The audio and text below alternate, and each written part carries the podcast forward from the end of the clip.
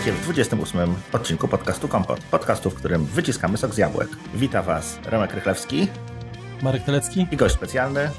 Sebastian Szwarc. No więc jak słyszycie Sebastiana, to pewnie domyślacie się już, o czym będziemy dzisiaj rozmawiać. No, chwilka niepewności. Oczywiście o filmach, o serialach i o tym, jak można oglądać na Macu i urządzeniach iOS-owych treści wideo, w jaki sposób zdobywać tańsze te treści, w jaki sposób szukać promocji, jak oglądać, czym oglądać, co oglądać. Generalnie będzie dużo oglądactwa. Wiesz co, poniekąd, poniekąd zdradziłeś, bo zanim powitałeś wszystkich, to tak, ja usłyszałem mm, inspektora Bełkota z takiej kreskówki. Kojarzysz, nie? Kojarzę. Bełkotałem? nie, nie, tylko był taki, wiesz, on taki miał śmiech specyficzny. I tak, tak, tak zacząłeś. Ja się dzisiaj będę mniej śmiał pewnie chyba, ale to dobra, żeby ci nie wzbudzać skojarzeń.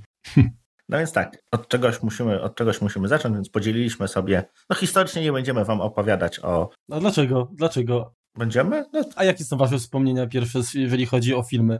Na czym, nie wiem, oglądaliście? Jakie, jakie źródła, jakie, nie wiem, sprzęty może? No kino. Ja na czarno-białym telewizorze w domu no i tak to kino, no. Nawet na 38. No to u mnie podobnie. Telewizor też czarno-biały się nazywał Beryl 102. Ja taką obrotowy przyłącznik kanałów y, z jednej strony. Oczywiście tych kanałów było tam 12 do przyłączenia, ale polska telewizja nadawała chyba wtedy jeden czy dwa. Także nie było, było to bezużyteczne. To chyba miałem podobny. No. Te... Taki gruby kabel jeszcze do tego koncentryczny tam. E, to nie, to, to, to tak, tak. U, u, u, mnie to było tak, że kabel atonowy był taki płaski, były dwa druty w środku takim plastikiem połączone, a tak naprawdę, bo ja mieszkałem wtedy pod Bydgoszczą i nie było jeszcze bloków wielu w Bydgoszczy, także była, że tak powiem, bezpośrednia trasa dla fal radiowych do nadajnika w Czeciewcu, także mogłem na widelcu po prostu oglądać telewizję. A łapałeś sygnał z Kaliningradu? Wiesz co? Nie pamiętam, ale generalnie wtedy tyle programów było w języku y, rosyjskim, że być może tak. A to widzisz, ja jestem trochę lepszy może od ciebie, bo mój tato miał taki mały, jeszcze malutki, przenośny rosyjski telewizorek firmy Junost i on się idealnie sprawdzał na różnych biwakach, wiesz, wyjazdach. Oczywiście odbierał jedynkę, bo dwójka śnieżyła. Znaczy to był ten, ten odbiornik, który był y, dłuższy niż szerszy, nie? Znaczy, wiesz co? No tak, bo miał tam ekran chyba z 10 cali, pewnie może nawet nie. Tak, tak, dobrze mówisz. Ekran stanowił mniejszą część jakby całej konstrukcji. No, no jak, taki, jak taki jamnik, tak? Wpysk mały, a reszta długa. No coś w tym stylu. To ja też miałem kiedyś taki ruski, znaczy ruski przenośny telewizorek, przy czym on miał co cztery cale, może trzy, a wielki był jak stodoła.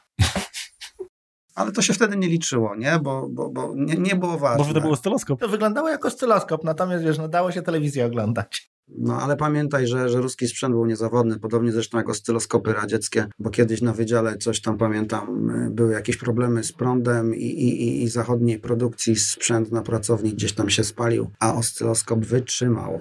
Radziecki oczywiście. No gniecja, nie łamiocja. Plus minus 100 stopni musi działać.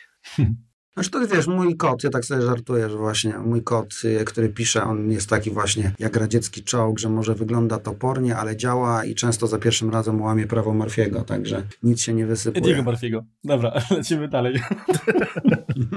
jak już jesteśmy dzisiaj z kojarzeniami filmowymi, Dobrze, że Ediego Marfiego, a nie Ediego zwanego Orła. No teraz nie wiem o czym mówicie, ale dobra. Każdy z nas ma jakąś tam bibliotekę pewnie DVD czy, czy, czy Blu-rayów, no i w gruncie rzeczy dobrym pomysłem byłoby przenieść je na komputer, no żebyśmy mogli oglądać je na, czy na urządzeniach przenośnych, czy, czy na Apple TV bez problemu. Jakby cały świat odchodzi od plastiku, no więc z jednej strony jest to jakiś tam backup, że mamy to na jakimś dysku te filmy, które oczywiście legalnie kupiliśmy, tak? Bo ze, jeśli chodzi o źródła takie mniej legalne, no oni, one istnieją, wy wiecie, my wiemy, natomiast nie popieramy tego. Nie podamy, nie korzystamy, nie podamy. Wiem, ale nie powiem, tak? No nie popieramy tego, no w tym momencie ceny czy streamingu, czy wypożyczenia, czy, czy nawet kupna filmów są na tyle niskie i na tyle jest to dostępne już, że właściwie no nie ma racjonalnych powodów, żeby, żeby kombinować, tak? Chociaż, chociaż Remku ci powiem, że znam ludzi, którzy powiedzą, że 40 zł za Blu-ray to jest drogo. No to niech poczekamy, aż będzie dodane za friko do gazetki, no, jakiejś, bo tak często też jest. No ale wiesz, no, no to dokładnie, no Blu-ray tak, natomiast no DVD jakby można już kupić za dychę i to wystarczy chwilę poczekać, właściwie, właściwie wszystko się tam jakoś tam pojawia, no więc... Czyli chcesz, Remku, mówić o tak zwanym rippingu, aczkolwiek mówiłeś wcześniej, że bezproblemowo, a z tym to nie jest takie hop -siup. Znaczy tak, jeżeli ja to legalnie zakupiłem... Nie, nie o tym mówię, nie o tym mówię, bo nawet jeżeli zakupiłeś legalnie Blu-raya, on jest zabezpieczony.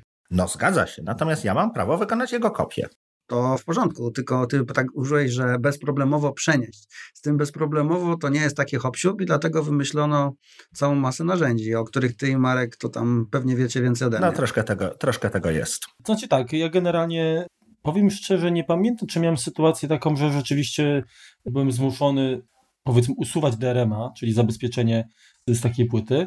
Jakieś narzędzie miałem, nie pamiętam teraz nazwy, ale to dodamy do opisu.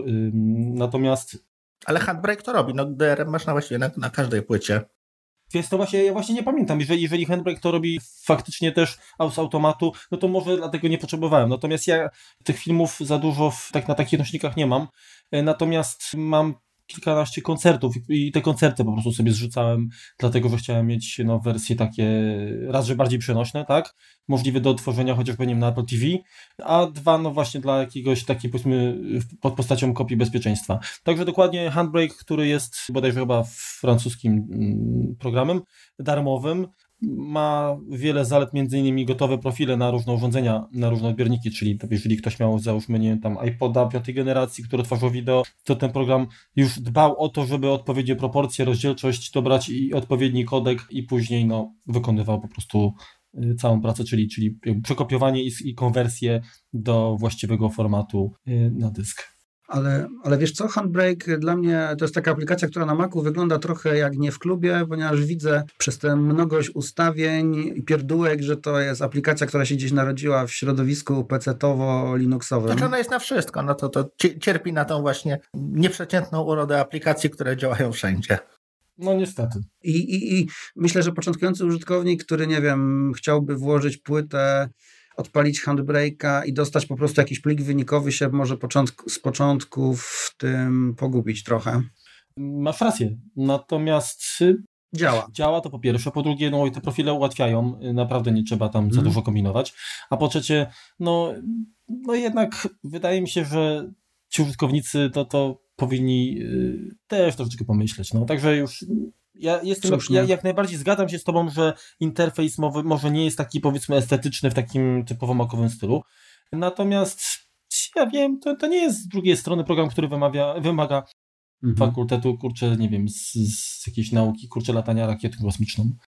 Mhm. Zawsze można metodą prób i błędów dojść do, dojść do jakichś, tam, jakichś tam wyników, czy zadowalających nas, czy, czy, czy nie wiem, użyć Google'a i dowiedzieć, co te, co te ustawienia znaczą. Zresztą Mhm. Ustawień jest mnóstwo, tak? Natomiast tak jak Marko mówisz, no, korzystając z tych kilku presetów, no mhm. może to nie będzie fantastyczna jakość, natomiast to będzie tak zwane good enough, czyli wystarczająco. Jest to ja myślę, że te, że te profile, te, te presety, one są jakoś tam przetestowane i, i to będzie optymalne, tak? Znaczy inaczej, będzie optymalne na zasadzie kompromisu, tak? No oczywiście, mhm. jeżeli tam, nie wiem, y, stwierdzimy, że zależy nam na lepszej jakości, ale plik będzie, nie wiem, dwa razy dłuższy, nie ma problemu, tak?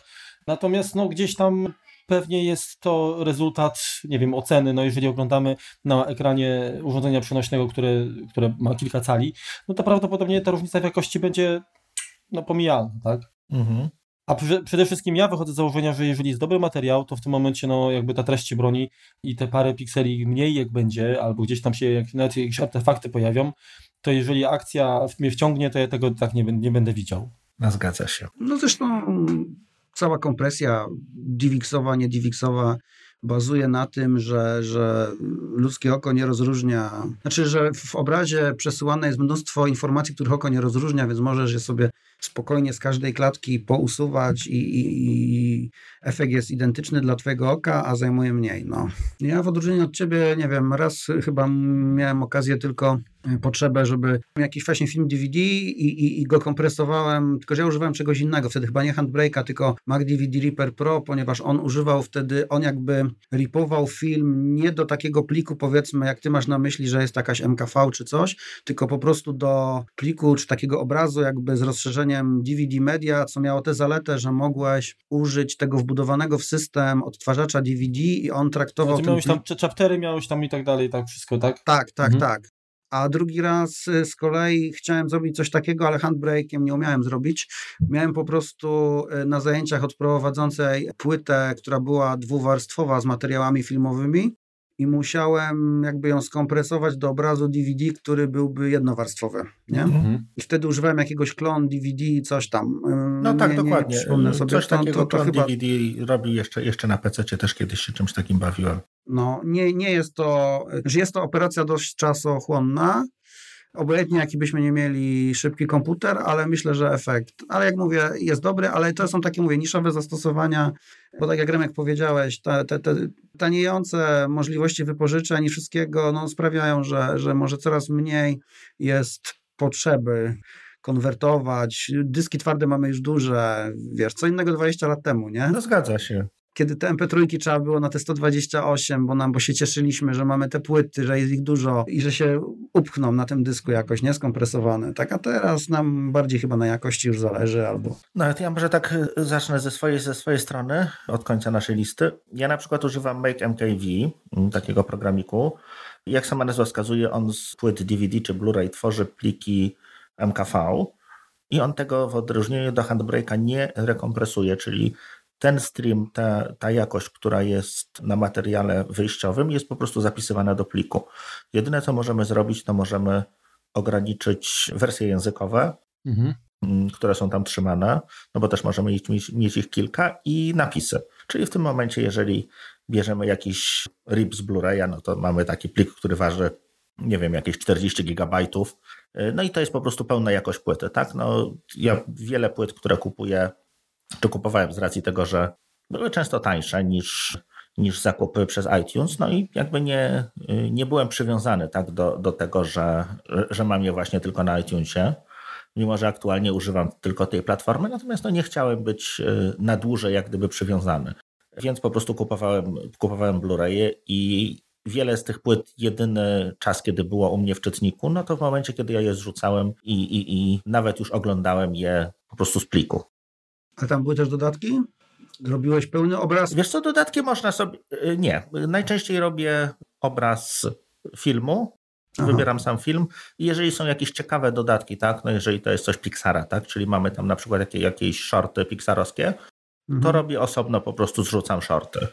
Natomiast jakieś takie dodatki, opisy czy coś takiego, no ja nie jestem do tego, wiesz, tutaj właściwym odbiorcą. No rozumiem. Film musi mi się bardzo niesamowicie podobać, żebym coś takiego sięgnął, no to wtedy, wtedy używam płyty. Natomiast tych, tych dodatków nie zgrywam.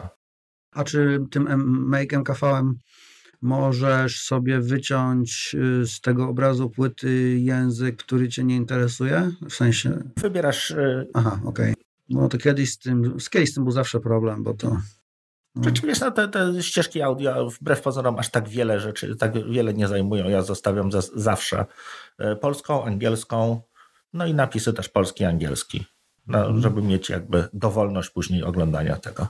Mhm. No w sumie mówimy o programach, ale myślę, że warto też wspomnieć, bo to jeszcze będziemy kontynuować, ale myślę, że warto wspomnieć też o rozwiązaniach sprzętowych, bo znaczy ja osobiście akurat nie korzystałem z tego, natomiast Marek Kujawa, czyli kolega, który to jest naszym wiernym słuchaczem i sponsorował nagrody do, do poprzedniego mm, kompotu.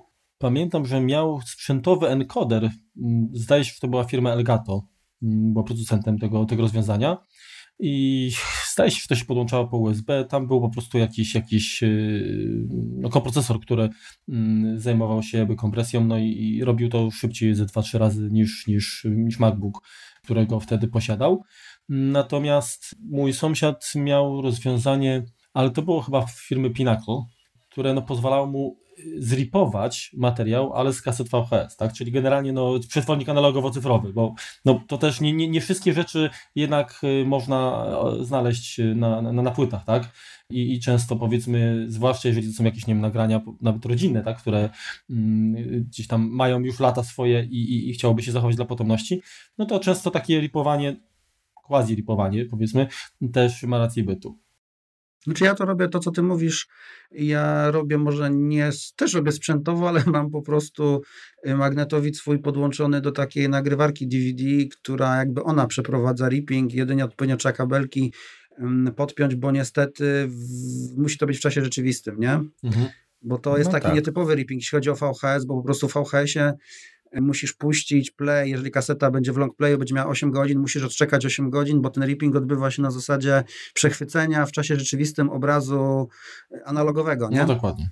I zapisuj ją na jakąś postać e, cyfrową, no bo i wiesz, możesz sobie kupić oczywiście taki riperek, takie kabelki, tylko trzeba tutaj uważać, bo już miałem do, do czynienia, kolega mi pożyczył coś takiego, że mogę włożyć po jednej stronie bezpośrednio z magnetowidu jakby do Maca i w Macu y, ripować, tylko że te tańsze tam poniżej 100 zł urządzenia mają drivery tylko pod no, Windows. No, znaczy to pod Windows dużo tego było, no, do, kiedyś była taka moda na karty telewizyjne do PC-ów, tak? No więc tak naprawdę... Może Mac nie potrzebuje sterowników. Niestety, jakby Maki miały jakieś tunery wbudowane, to by było fajnie, ale chyba jeszcze tak nie jest i chyba nie będzie. Hmm. Teraz już na pewno nie. No zgadza się. No, natomiast no, jest to jakaś tam metoda, no jak gdyby no polecamy wszystkim, jeżeli macie jakieś takie właśnie nagrania jeszcze na VHS-ie czy, czy na jakichś innych dziwnych nośnikach. Możecie się do mnie uśmiechać. O. Zróbcie tego kopię sobie cyfrową. No bo. Oferta będzie w opisie. Ja mam czas, generalnie jak ktoś nie ma. Oferta ze zdjęciem. No. Nie, już też mówię, u mnie rodzina się ustawiła w kolejce, tak, już ma różne jakieś swoje rzeczy z VHS-em, póki wiesz, jednym ciągiem to oczywiście trwa trochę, nie? Ale no jedna kaseta to trzy godziny de facto. Potem zgranie tego na, na DVD, no i potem oczywiście już niech sobie odbiorca robi z tym, co no, chce. Zgadza się. Tak, tak. Myślę, te rodziny są takie nudne, że potrzebujesz odmiany teraz. no, na przykład. Ale wiesz, no to, to jakby nie ta technologia, to faktycznie coraz mniej ludzi ma magnetowid. Ja pamiętam, że też załatwiałem, musiałem pożyczać od znajomych, bo się okazało, że ludzie magnetowidy sprzedali albo po prostu się popsuły. popsuły się, no oczywiście. I niestety masa różnych rzeczy bezcennych, no, z punktu widzenia takich rodzin, co zresztą w ogóle chyba w technologii, pojawiają się nowe standardy, coraz trudniej odczytać, wiesz, dyskietki 5 na czwarta, to nie wiem w ogóle, czy ktokolwiek dzisiaj odczyta, bo, bo nikt nie ma takich stacji przecież. Yy, I tak to jest niestety z tymi standardami, nie? No, słuchajcie, jeżeli o mnie chodzi, to ja częściej chyba niż z płyt, to częściej powiedzmy, że ripuję, tak? No to, to jest oczywiście, yy, oczywiście na wyrost, ale pobieram filmy z takich serwisów jak YouTube, mhm. który normalnie nie oferuje opcji ściągnięcia. Dlatego, że w, w szkole korzystając powiedzmy z jakichś, nie wiem, filmów instruktażowych, no wolę się zabezpieczyć przed, załóżmy, nie wiem, przerwą w dostawie internetu albo, nie wiem, gdzieś chcę w terenie pokazać, no to w tym momencie, jeżeli mam ze sobą taki, taki plik z filmem, no to oczywiście czuję się jakby bardziej niezależny. I nie wiem, jakie, jakie wy aplikacje używaliście, natomiast ja używam i polecam. Y, najczęściej jest, jest to rozwiązanie pod nazwą ClipGrab darmowe, które oczywiście można tam wesprzeć autora. Mm, obsługuje, y, znaczy dostępne jest w wielu językach, także interfejs jest spolszczony jak najbardziej. A program posiada jakby wbudowaną wyszukiwarkę, czyli jeżeli coś tam wpiszemy, to zasoby YouTube'a są również jakoś tam skanowane. Natomiast normalnie to działa w ten sposób, że jeżeli zaznaczymy w oknie przeglądarki na pasku adresu y, adres do takiego filmu, to schowek jest przechwytywany automatycznie. Oczywiście, jeżeli ta aplikacja jest uruchomiona i automatycznie dodaje do kolejki. Tam możemy wybrać format, tak, czy to ma być y, powiedzmy oryginalny, nie wiem, czy to będzie MP4, czy Flash, czy jakiś inny. Mm, również możemy pobierać samo audio. Także jeżeli powiedzmy ktoś chce, znowu tutaj przyjanuszujemy, tak, chce posłuchać albumu jakiegoś, bo często z, można znaleźć e, ciekawe albumy muzyczne pełne e, na, na YouTubie, no to w ten sposób może sobie po prostu zrzucić do MP3 taką rzecz. Innym rozwiązaniem, które jeszcze korzystam zaraz, zaraz jest aplikacja darmowa Xvideo Service Thief i ona tutaj obsługuje no dużo więcej, nie tylko e, serwis YouTube'a, ale, ale, ale kilka innych, zresztą zaraz wam powiem, żeby nie być gołosłownym. E, bodajże tam był Dailymotion, chyba tak, Yahoo, Google Videos, Meta, Meta Cafe i podobne. Także te takie rozwiązania. To jest ciężka sprawa z takimi narzędziami online, one muszą być często aktualizowane, ponieważ twórcy. Zgadza tych... się, tak, masz rację. Twórcy tych portali, jak YouTube, ciągle coś tam grzebią w API swoim i, i przeszkadzają. No bo, znaczy tak, jeśli ty to marku używasz do celów edukacyjnych, to jest to jak, naj, jak najbardziej błogosławione, mm. tak? To tutaj nie, nie, nie naginasz prawa. Natomiast takie mm. na własny użytek ściąganie, no to jest już takie troszeczkę szarawe, tak? To, to nie jest jednoznaczne. Znaczy ja, i, ja tutaj dopowiem do tego, ja używam, kiedyś miałem taki jeszcze soft na Snow Leoparda, a to potem w liście wpiszę, bo on już dawno nie działa, bo, bo nie był aktualizowany, ale obecnie mam coś, co się nazywa iTube Studio On ma takie właściwie opcje, też ma pewną wyszukiwarkę YouTube'a, ale on też działa, w, jeżeli na przykład ja sobie w YouTubie skopiuję link do schowka, to ten program w ogóle go od razu po odpaleniu wykrywa sobie. To jest fajne, że nie trzeba jakby się bawić. I też oferuje tą możliwość, o której Marku mówiłeś, czyli zgrywanie samej muzyki. Ja z tego czasem korzystam do radia, bo jak w audycji gramy troszkę takich rarytasów, gdzie po prostu na płycie nie wyszło, albo w ogóle płyta jest niedostępna, no to po prostu, wiesz, dzisiaj w radiach często się gra po prostu z komputera, My akurat w audycji gramy z płyt, więc ja po prostu sobie ściągam taką muzę i wypalam i to jest też jakby najzupełniej legalne, ponieważ radio się rozlicza, nie? Więc jakby z czego się gra nie ma znaczenia. Także to jest też czasem skarb, po prostu taki, taki program. Natomiast uzupełniając jeszcze to, co mówisz, w pewnym sensie, gdybyś miał, gdyby w Polsce działał YouTube Red, wydaje mi się, że oni w tej subskrypcji YouTube pozwala chyba na urządzeniach mobilnych muzykę czy wideo zgrać, ale na urządzenie, tylko nie wyciągniesz je gdzieś dalej, tylko masz je jakby lokalnie. No, Czyli generalnie jak... jest taki cache po prostu, jak masz, nie wiem, Spotify czy Apple Music, że możesz offline po prostu Coś w tym stylu. obejrzeć, tak? No nie jest to idealne, ale powiedzmy do, zastos do, zastosowań szkolnych, jak ci padnie internet, nie, na przykład, no to lepiej tak niż wcale, nie? Dokładnie, znaczy, ale tutaj właśnie chciałem y, się schować do tego, co Rok powiedział, ja absolutnie nie, na, nie namawiam nikogo do, do piracenia, Poza tym, jakby nie patrzeć, y, to, czy y, na YouTubie znajdują się materiały, które nie powinny, to nie jest problem użytkownika, tylko jest problem YouTube'a, tak? To prawda.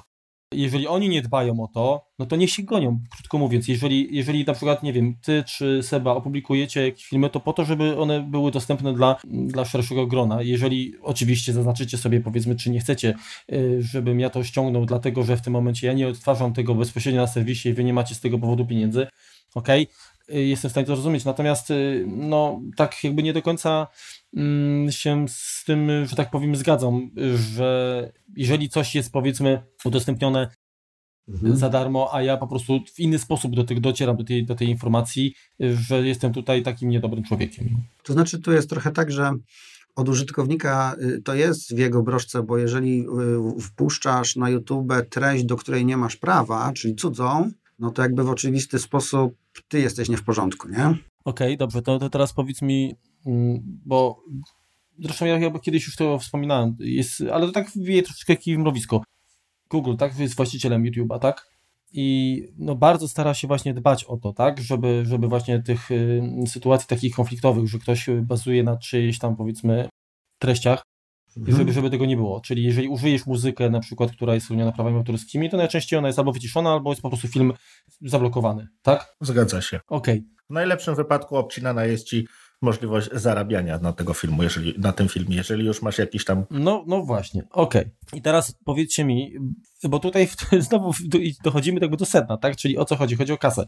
Bo ja na przykład y, jako, jako odbiorca tak naprawdę ja mogę posłuchać sobie ten film bez tej muzyki, tak?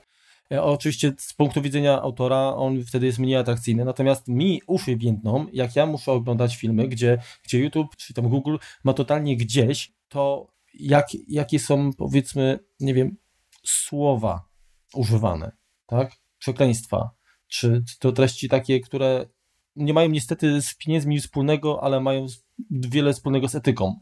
Jeżeli mówimy o etyce w kontekście zarabiania pieniędzy, to nie możemy pomijać jakby w, jakby w innej sferze. Ale to tylko tak chciałem zasygnalizować. No to jak już, no to możemy, bo zwłaszcza, że dwa dni temu mieliśmy przykre wydarzenie. W siedzibie YouTube'a była strzelanina i kobieta, która do tego dokonała, miała z Googlem dość długotrwały spór dotyczący tego, że z racji, że chyba była Iranką, tak mi się wydaje, albo pochodzenia i, i tam na tych swoich filmach nosiła ten, ten strój muzułmański i Google chyba limitował jej zasięg filmów, bo uważał, że to może być promowanie terroryzmu, czy, czy po prostu tak, nie mam pełnej informacji jeszcze o tej, o tej historii, a, ale właśnie no to jest trochę nawiązanie do tego, co ty mówisz, nie? Do takiego Niestety wydaje mi się, że każdy autor, który wrzuca coś na YouTube'a, musi się trochę pogodzić z tym, że właściciel portalu ustala sobie u siebie swoje zasady. No tak, ty jako autor no, nie płacisz za to, że, że twój film jest tam umieszczany, tak? Tak. Dostajesz to jakby z dobrodziejstwem inwentarza, no więc w tym momencie godzisz się na to, że, że Google może zrobić z tym wszystko, no. Mi chodzi o co innego, chodzi mi o to, że ja jako odbiorca, tak, Google wycina mi to, co tak naprawdę dla mnie jest, y, nie jest potencjalnie y, negatywne, czy, czy nie jest dla mnie zagrożeniem, a zostawia to, co tak naprawdę ja nie chcę tego oglądać, tak? Znaczy problemem jest skala działalności serwisu przy tej liczbie Wydaje mi się, że to jest tak, e, to co ty mówisz, przy tej liczbie filmów, które tam są wrzucane, przy tym zasięgu, jaki posiada YouTube, oni są zmuszeni zatrudnić automaty do weryfikacji treści, bądź dodatkową liczbę pracowników, którzy musieliby to czyścić i chyba nie mają na to ochoty. I, i, i tu chyba dochodzimy do sedna. Nie, czynnikiem ludzkim nie da się tego wyczyścić. To, co jest ściągane, no to jest po prostu są wyszukiwane treści z automatu, tak? I to nie tylko sam Google to, to śledzi, tylko są inne firmy, które szukają, po prostu bronią swoich praw autorskich, niech to będzie Disney, tak, który no, tak. wyszukuje tak. muzykę, czy, czy wizerunki myszki Miki, czy kaczora Donalda. No tak, ale, ale słuchajcie, ja myślę, ja nie, nie, nie wiem jak to, jak to jest technicznie rozwiązane, ale przypuszczam, że skoro taki, nie wiem, Shazam na przykład y, jest w stanie tam, nie wiem, po kilku sekundach rozpoznać utwór, który nawet jest odtwarzany gdzieś tam w, w jakichś warunkach, nie wiem, gdzie jest hałas, rozmowy i tak dalej, to myślę, że podobne algorytmy są wykorzystywane do przeszukiwania właśnie tych ścieżek audio Ależ tak. Czy, czy, czy to wideo to może to jest głębszy problem, ale audio myślę, że w podobny sposób jest właśnie przeszukiwane. No i teraz pytanie, czy, czy nie można algorytmy, które, które, nie wiem, słowo y, typu, nie wiem, czy jakieś inne, y, y, nie mógłby wyfiltrować? No mógłby, no. To jest chyba, może i mógłby, ale może mógłby działać za dobrze. No, dobra. no tym niemniej trzeba pamiętać, że, ale też trzeba pamiętać, jak już do tego do, doszliśmy, że YouTube jest źródłem filmów także legalnych, udostępnianych na oficjalnych kanałach przez e, studia filmowe, więc jakby nie wszystko, co jest darmowe na YouTubie od razu musi być nielegalne. Ja rozumiem Cię, Marek, z Twojego punktu odbiorcy, mm, Ty zakładasz, że jeżeli wchodząc na stronę widzisz treść, to chciałbyś dos- mieć takie user experience pozytywne, a to chyba nigdzie na żadnym portalu tak nie ma. No być może. Być może, tak w pełni, jakbyś oczekiwał. Zależy, nie, aż się boję pomyśleć, na jakie ty tam strony na YouTubie wchodzisz. Chcesz adresy? Podeślę ci linki. Słuchajcie, jeszcze yy, tak kontynuując, to, to yy, taki serwis jest fajny, keepvid.com, który też pozwala właśnie ściągać materiały yy, właśnie z YouTube'a. A jeszcze jedna rzecz, którą y, chciałem dodać, y, to program mm, się nazywa Google to SRT i on pozwala y, napisy, które są dodatk jakby dodatkowo dołożone do filmów na YouTubie, czyli to są tak zwane napisy y, closed captions, ripować jakby i, i w tym momencie no, możemy sobie ściągnąć plik, y, film do pliku i ściągnąć napisy do pliku i później odtwarzać lokalnie, no tak jak, jak, jak po prostu jak mamy opcję właśnie w okienku YouTube'a, że te napisy włączamy, wyłączamy, tak? Oczywiście jak one nie są wpalone, i w ten sposób odtwarzać. E, tutaj już poruszyłeś ciekawą rzecz. Ja tam sobie wpisałem na liście dwa takie, dwie takie aplikacje maczkowe, bo do napisów. Jedna to jest chyba iSubtitles, a druga znalazłem Submarine, w sensie no, sub od na, na, napisów. One chyba oba, albo przynajmniej jeden z nich powinny być dostępne w tej paczce, która się nazywa Setup. Ten taki serwis mhm który na pewno znacie, e, używania wielu aplikacji za miesięczną opłatą. I generalnie, bo to jak, jak powiedziałeś słowo wypalone, to to jest dosyć ciekawa rzecz, bo, bo czasami chcielibyśmy, no nie wiem, chcielibyśmy zrobić coś takiego, że potrzebujemy mieć napisy do filmu jakby razem z filmem, a nie osobno. I tu się okazuje, że wcale nie jest takie to proste i fajne, bo albo trzeba je w, w, w, jak to się mówi po polsku, wpalić, tak, w klatkę. Wypalić, tak. Czyli musisz niestety w tym momencie cały film przekodować, nie ma opcji i to zajmuje czas i końcowy plik wcale nie musi być tak samo dobrej jakości jak ten. Znaczy nie może być. Tak mm. naprawdę tej samej, no ich gigantycznie większe muszą być, żeby być tej samej jakości, no. No właśnie i z reguły musisz się bawić presetami, kombinować, no. I generalnie Submarine tutaj był o tyle fajny, że mi się udawało, mm, powiedzmy, filmy nawet kupione z iTunesa, czy takie, czy, czy w postaci tam, M, to są MPG, MPG 4 chyba.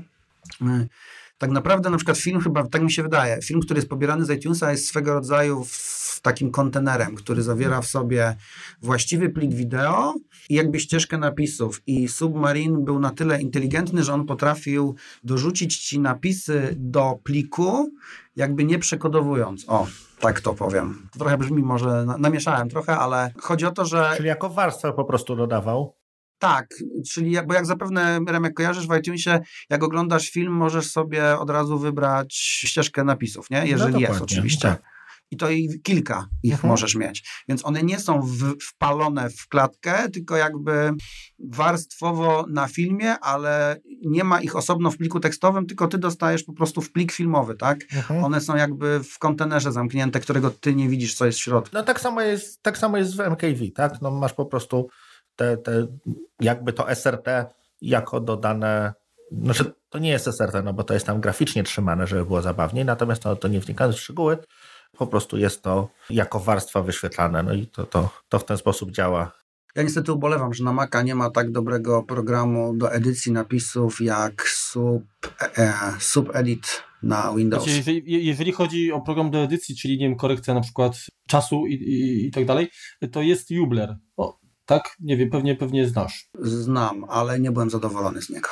Znaczy, no bo to jest też taki troszeczkę kowalski, jak ja to mówię, ale działa. Także formaty, poprawki, właśnie przyspieszenie, zwalnianie, to, to wszystko no, radzi sobie.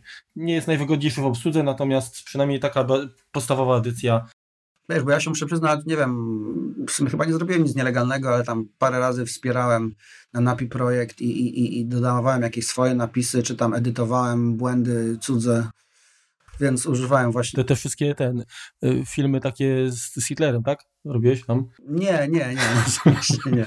Nie, nie, nie. Ale wiesz, kiedyś miałem trochę czasu, to stwierdziłem, że wiadomo, że no już pomijając te kwestie legalności, są napisy robione społecznościowo, to też jest taka kwestia prawnie szara, mm, ale warto, no wiesz co, powiem Ci, yy, drażni mnie, jeżeli na przykład ktoś, społeczność robi napisy i tam są błędy ortograficzne, no. No. To jest... Dokładnie, Moder moderowanie powinno być. Natomiast jeżeli ja coś robię i udostępnię za darmo, niezależnie czy by to się podobało jakimś majorsom, czy nie, no sorry, ale kurczę, mogą mi naskoczyć. Na plecy. I tak i nie. Nie, nie, uważam, że, nie uważam, że to jest łamanie prawa. Ale dobra. I tak okay. i nie. Spróbuj, spróbuj własnoręcznie przetłumaczyć Harry'ego Pottera i wrzucić za darmo do netu. I pozew. 3, 2, 1. No może i tak. No. Ja cię rozumiem oczywiście, twój punkt widzenia. No, jak mówię, tutaj wiele kwestii, o których będziemy dzisiaj pewnie mówić w odcinkach. Jest to taką kwestią trochę szarą, powodowaną tym, że prawo nie nadąża albo za bardzo nadąża. No, jest jak jest. Ale staramy się chyba, mam nadzieję, dzisiaj w odcinku przekazać ludziom po prostu w miarę kompetentnie na informacje. No dobra, to zagęszczamy ruchy. Jeśli chodzi o ripping i, i, i, tego typu pokrewne rzeczy, to chyba zakończyliśmy. Możemy przejść dość płynnie, bo już się pojawiły kwestie odtwarzania. To jakby tak, mhm. wbudowany w system mamy QuickTime Player, X. X, oczywiście. Który, no jest, tak? No, ani nie jest jakoś tam szczególnie wygodny, ani nie jest szczególnie wiele formatów plików potrafi odtworzyć, natomiast działa całkiem dobrze, no i to co, to, co w nim jest najfajniejsze, no to on potrafi również ten film tam pociąć, można sobie prostą edycję nim zrobić. Natomiast przyznam szczerze, prawie go nie używam. Zazwyczaj mam podpięty jako domyślny, domyślną aplikację do odtwarzania filmów VLC, ponieważ on odtwarza wszystko. Nawet jeżeli ten plik będzie jakoś tam uszkodzony, mhm. to ten VLC sobie z tym poradzi i to prawda? Miejscami tam jakieś się pojawią paski, jakieś tam przekłamania, natomiast jeśli to będzie jakkolwiek zawierało film, to VLC to odtworzy. Z wyjątkiem DRM-a. Dokładnie. Tak. Jest jeden przypadek, o którym potem ci powiem, gdzie VLC nie zadziałał. Dosyć ciekawy. A, a, a propos, zanim przejdziemy jeszcze do VLC na, na, na, na dłużej może, to y, y, spytam Was, czego używaliście, żeby rozszerzyć możliwości QuickTime Playera, bo ja swego czasu y, korzystałem z takiego rozszerzenia, się instalowało w panelu preferencji Perian. Tak, oczywiście. Zamieszkłe czasy. Tak, a drugie rozwiązanie to był Flip, Flip for Mac. Swego czasu on był darmowy, później chyba zrobił się komercyjny, także jak był komercyjny też odpuściłem, tak. natomiast on pomagał radzić sobie z filmami Windowsowymi. Windowsowymi, on, żeby było śmieszniej, to on miał błogosławieństwo Microsoftu. Dokładnie. I on działał we wersjach QuickTime Player wcześniejszych niż X, ponieważ... X, dokładnie. Tak. Ponieważ ja bardzo często używałem w Snow Leopardzie tego tamtego QuickTime Playera, on miał większe możliwości niż ten Xowy obecnie wbudowany, którego Remek pewnie słusznie rzadko używa. No taki trochę jest, no ani interfejs mi się z jego specjalnie nie podoba. Ładuje się on dość długo, nawet na komputerze dość szybkim. Po prostu jest VLC, które jest, jest dużo lepsze. Jest też polski odtwarzacz, mhm. Pemplayer. Dokładnie. To jest zresztą rozwiązanie, które każdemu użytkownikowi Maca sugeruje i, i, uważam, że jest to po prostu rewelacyjny program Grzesia Pawlika, którego pozdrawiamy serdecznie. Yy, o ile w przypadku PC-ów VLC właśnie jest takim powiedzmy domyślnym otwarzaczem, który instaluje, no to, to na Macu jest to właśnie Pimplayer, e, który poza tym, że, że radzi sobie również y, sprawnie z odtwarzaniem praktycznie chyba dowolnych formatów, to ma dużo opcji y, umożliwiających czy ułatwiających zarządzanie filmami, jakieś tam okładki też można pobierać, ściągać i tak dalej. Pobiera napisy również, wspiera obsługę, nie wiem, nawet kurczę, pilotów w tych, w tych sprzętowych tam od, od y, starych Macach, co były i później od Apple TV. Naprawdę świetne, y, świetne rozwiązanie. I darmowe. I będzie darmowe, jak Grzesiu obiecywał, zawsze. Znaczy on, on wspiera napisy przy użyciu tych portali, bodajże Napi Projekt, czy tam... Tak, i o, o, Open Subtitles bodajże. Czyli jak tam nie ma napisów, no niestety on nie działa. No bo nie, bo wiesz, trzeba wytłumaczyć, bo niektórzy ludzie mogą myśleć, że wiesz, player y, sam ci napisy po prostu generuje. Z powietrza. No ale jak jesteśmy już przy, przy programach, które potrafią cuda, cuda znajdywać, no to ja używam Plexa i bardzo sobie chwalę.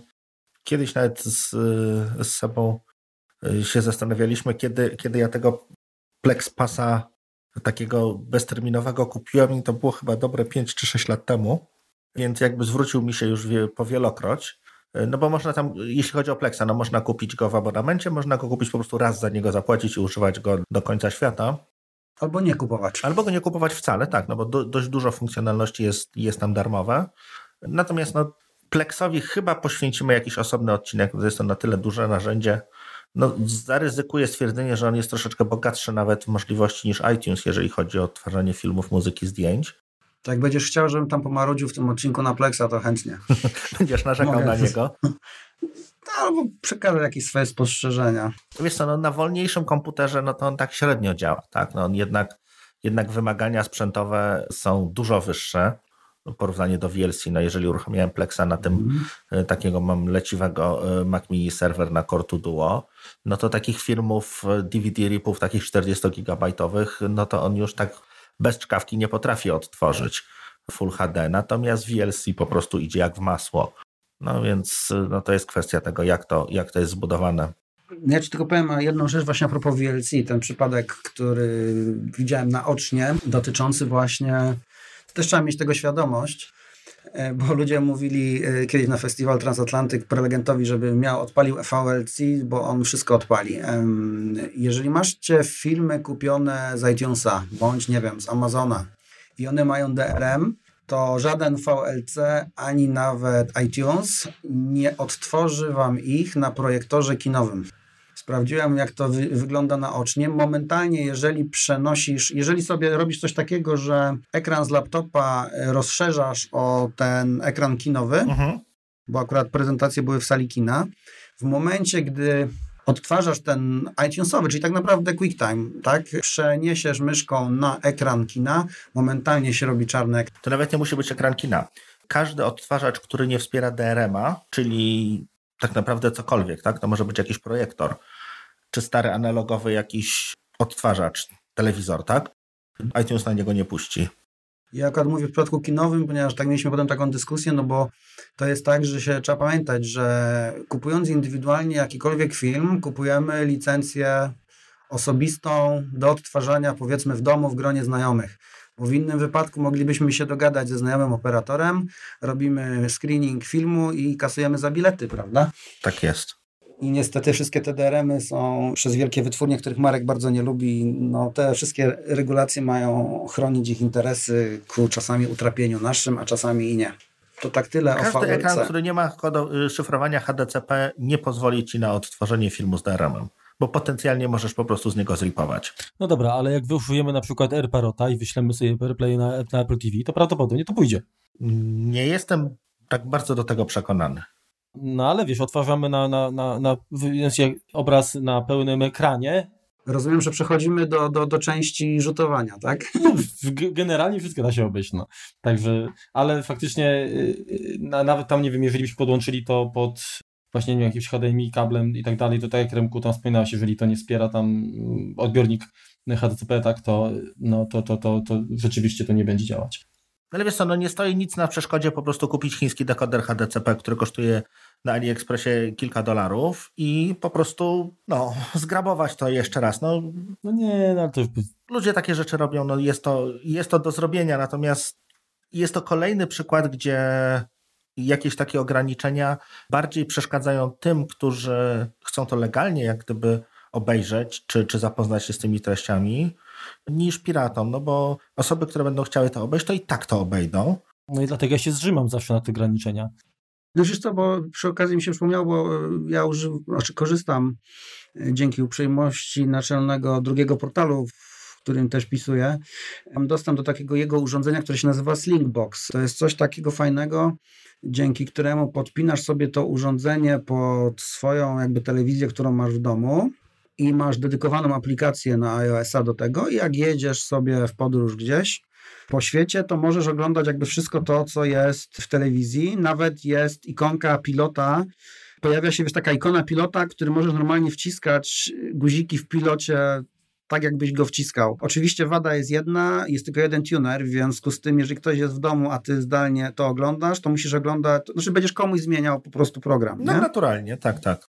I to, co ja się od niego właśnie dowiedziałem, zresztą pozdrawiam naczelnego z Apple TV.com, a co tam zareklamuję, on mi powiedział właśnie, że musiał to wpiąć, bo on jest abonentem DirecTV, to jest operator satelitarny i on musiał to wpiąć do Slinkboxa kablem kompozytowym, nie mógł HDMI właśnie ze względu na zabezpieczenia, o których Remku wspomniałeś, co oznacza, że nie mogę uzyskać powiedzmy obrazu w HD, nie? No zgadza się. No więc to jest też niestety i już nie mówiąc o tym, już mogę przy okazji powiedzieć, miałem problem z Hulu kiedyś, kiedy się ukazała nowa wersja aplikacji na Apple TV. Dostawałem komunikat, że HDCP error, koniec. Okazało się, że to był błąd po ich stronie, po prostu no, aktualizując wersję aplikacji czegoś nie, nie dopełnili, jakiegoś tam może szyfrowania po swojej stronie i nie chciał się zweryfikować, że mam prawo oglądać to, co wiesz, chcę. Na swoim urządzeniu w domu, tak. Więc Marek może się zrzymać. No dobrze. Teraz tak, yy, wspomniałeś Marku o AirPlayu mhm. i no bo to jest jakby też, też metoda na to jest w ogóle moja oglądanie, czy moja ulubiona technologia i, i chyba też jak jeden odcinek poświęcimy. No to teraz my idziemy na... Remek na piwo, ja na herbatę. Nie, nie, spokojnie, ja tylko, tylko wspomnę może te rozwiązania, które używam. No. Wspomnę. Sam AirPlay przy okazji w ogóle, jak się, no ja myślę, jak się pojawi AirPlay 2 i, i uda nam się przetestować, to, to wtedy... Jeśli się pojawi. Tak, to, to wtedy, wtedy pogadamy dłużej. Dodajmy, że wróciło, wspar- znaczy wróciło w betowe wsparcie na AirPlay 2 w tvOS 11.4.1 beta. Zgadza się. Mhm. I podobno nawet pojawia się urządzenie AirPort Express, tam w aplikacji Home, tak? No. W HomeKicie. Mhm. Także no. Przy czym też ciekawe, czy będzie się pojawiało to ostatnie, czyli ten taki krążek hokejowy, czy to takie, które bardziej przypomina zasilacz od MacBooka, czyli ten poprzedniej generacji, bo mam obydwa. Mhm. No, ale Marko, kontynuuj. E, no właśnie, jeżeli chodzi o AirPlay, to jest to rozwiązanie, które, z którego ja korzystam namiętnie od już wielu lat. Aplikacją, która mnie przekonała do tego e, był AirVideo mm, wówczas, teraz to się nazywa AirVideo HD. Program działa w ten sposób, że instalujemy serwer na Macu albo na PC. Tam wskazujemy y, foldery z y, filmami. Możemy oczywiście pewne ustawienia y, jeszcze tam dodatkowe załączyć, które na przykład wystawiają ten serwer do internetu, a następnie z poziomu urządzenia z iOS-em, czyli iPad czy iPhone, bądź aktualnie również mm, na tvOS jest aplikacja od jakiegoś czasu. Po prostu łączymy się zdalnie do, do no inaczej, komputer musi być uruchomiony, tak bo on jakby zawiera jakby te zasoby. Natomiast z poziomu właśnie mm, iPhone'a, iPada czy mm, Apple TV przeglądamy zasoby, przeglądamy, wybieramy film, odtwarzamy, możemy oczywiście tam wybierać, y, ustawić sobie opcje, nie wiem, rozmiar napisów, kodowanie, y, możemy też zwalniać, przyspieszać, jeżeli są powiedzmy niedokładnie synchronizowane. Mm, jest możliwość oczywiście zmiany dźwięku, czy w sensie jakiejś jakości, obraz można tam troszeczkę skorygować. Także możliwości jest, jest naprawdę mnóstwo. Działa to na tyle fajnie, że po pierwsze nie obciąża zbytnio komputera, transkodowanie odbywa się w locie, czyli my nie musimy czekać najpierw, y, zanim ten y, powiedzmy półtora godziny czy, czy, czy dłuższy materiał zostanie jakby skonwertowany do bardziej zjadliwego formatu. Radzi sobie praktycznie też z, wręcz z każdą wersją materiału, czyli czy to będzie y, matroska, czy to będzie jakiś AVIC, czy coś innego. Sam, samo AirVideo obsługuje ileś tam formatów, natomiast dodatkowo, jeżeli zainstalujemy VLC, to w przypadku, kiedy sobie nie radzi, to korzysta jakby z, z pomocy tego, tego, tego odtwarzacza. A powiedz mi, kto, kto nawiązuje połączenie? Z której strony? Yy, no odbiornik, tak? Czyli, czyli albo biorę pil...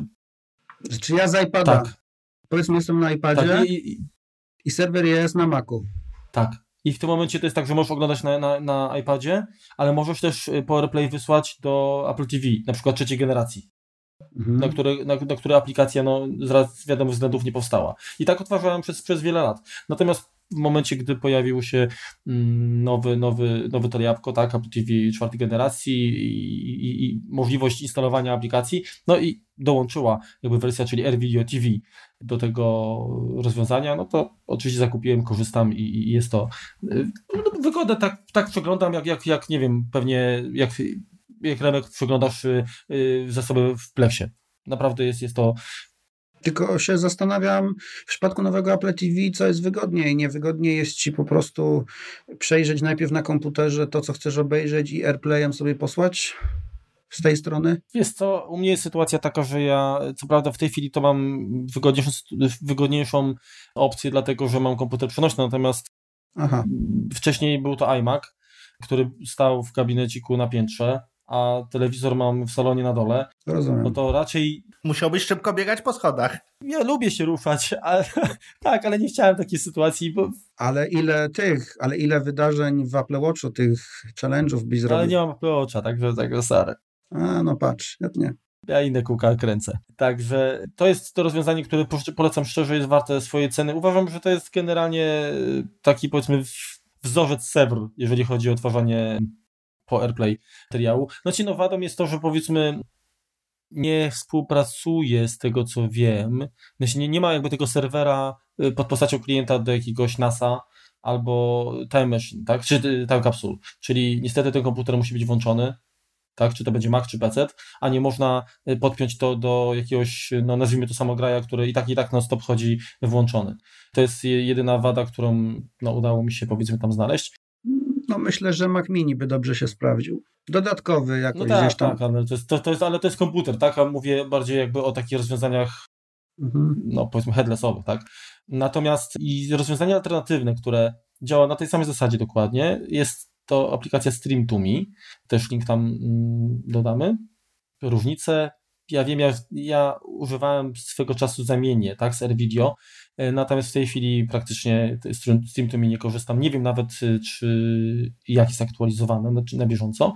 E, natomiast to, co ty wspomniałeś chyba, czyli na zasadzie, że odpalamy program, czy program, w sensie materiał na, na komputerze i z komputera wysyłamy po AirPlayu, to są rozwiązania takie. Jeden to jest Beamer. No właśnie tego używam. A drugie rozwiązanie, które ja znowu zakupiłem, aczkolwiek używam stosunkowo rzadko, nie dlatego, że jest złe, tylko dlatego, że po prostu wolę, jakby kwestia przyzwyczajenia, wolę AirVideo. To jest aplikacja Airflow. I, i, I ona też działa w ten sposób, że po prostu wskazuję na, na, na komputerze, wybieram film, napis i wybieram odbiornik, tak, czy to będzie właśnie tam Apple TV, czy jakiś Chromecast, tak. No Beamer ma wsparcie jeszcze dla Chromecasta. No, no dokładnie, to też, też wspiera, także konkurencja. Myślę, że Airflow i Beamer to są dwa takie tutaj czarne konie, jeżeli chodzi o, o tego typu rozwiązania. Oczywiście komputery, które, które, w których karty graficzne wspierają Intel QuickSync, czyli to są chyba wszystkie Maki po 2012 roku, mają zdaje się wsparcie systemowe już, tak? Czyli, czyli można klonowanie obrazu mhm. ustawić y, no, systemowo, ale to nie działa tak y, zbyt płynnie, nie? W sensie do, chodzi mi o to, że, że o, o ile powiedzmy y, wyświetlimy desktop, tak, czy, czy biurko na Apple TV i gdzieś tam mhm. pokazowo jakiś instruktaż przeprowadzamy, to to działa wszystko super. Natomiast w przypadku wysyłania obrazu filmu, gdzie jest dużo akcji, gdzie ten obraz się zmienia często, to to nie nadąża jednak. Znaczy ja ci powiem, że, bo zapomnieliśmy w sumie w tym AirPlayu powiedzieć o iTunes po prostu. Zgadza się, masz rację. Mhm. Ja mam komputer z roku 2009. Wszystkie filmy, które masz dodane i te kupione w iTunes, i każdy film, który byłeś w stanie zaimportować do biblioteki w iTunes, jesteś w stanie sobie po AirPlayu rzucić na Apple TV, na przykład, nawet jeżeli masz maczka starszego niż 2012. Mhm, to tak, to masz rację. I co więcej, iTunes jako jedyne potrafi dźwięk puścić jednocześnie AirPlayem na więcej niż jedno urządzenie. Mhm. Jak na razie. W tym standardzie AirPlay 1, jak na razie. Tak. No Apple jakby tutaj sobie obeszło samo siebie, więc. Znaczy, no jeszcze Airfoil może być, tak? Jeżeli masz roga MIBY Airfoila, no to też możesz sobie w tym momencie. Tylko nie wiem, jak to działa na starszych wtedy właśnie Macach. Działa. Tych poniżej, bo AirParrot. Ja mhm. mam też 2009 ten, czy 10 ten Mac Mini Server. Tam mam Core 2 Duo i to jak najbardziej działało. Tylko, tylko, tylko pamiętajcie, że jeżeli mówimy znaczy, ja testowałem Airfoil i powiem y, wam, że y, udało mi się uruchomić, po prostu więcej urządzeń nie miałem, udało mi się uruchomić jednocześnie odtwarzanie muzyki na 13 różnych odbiornikach, bez opóźnień.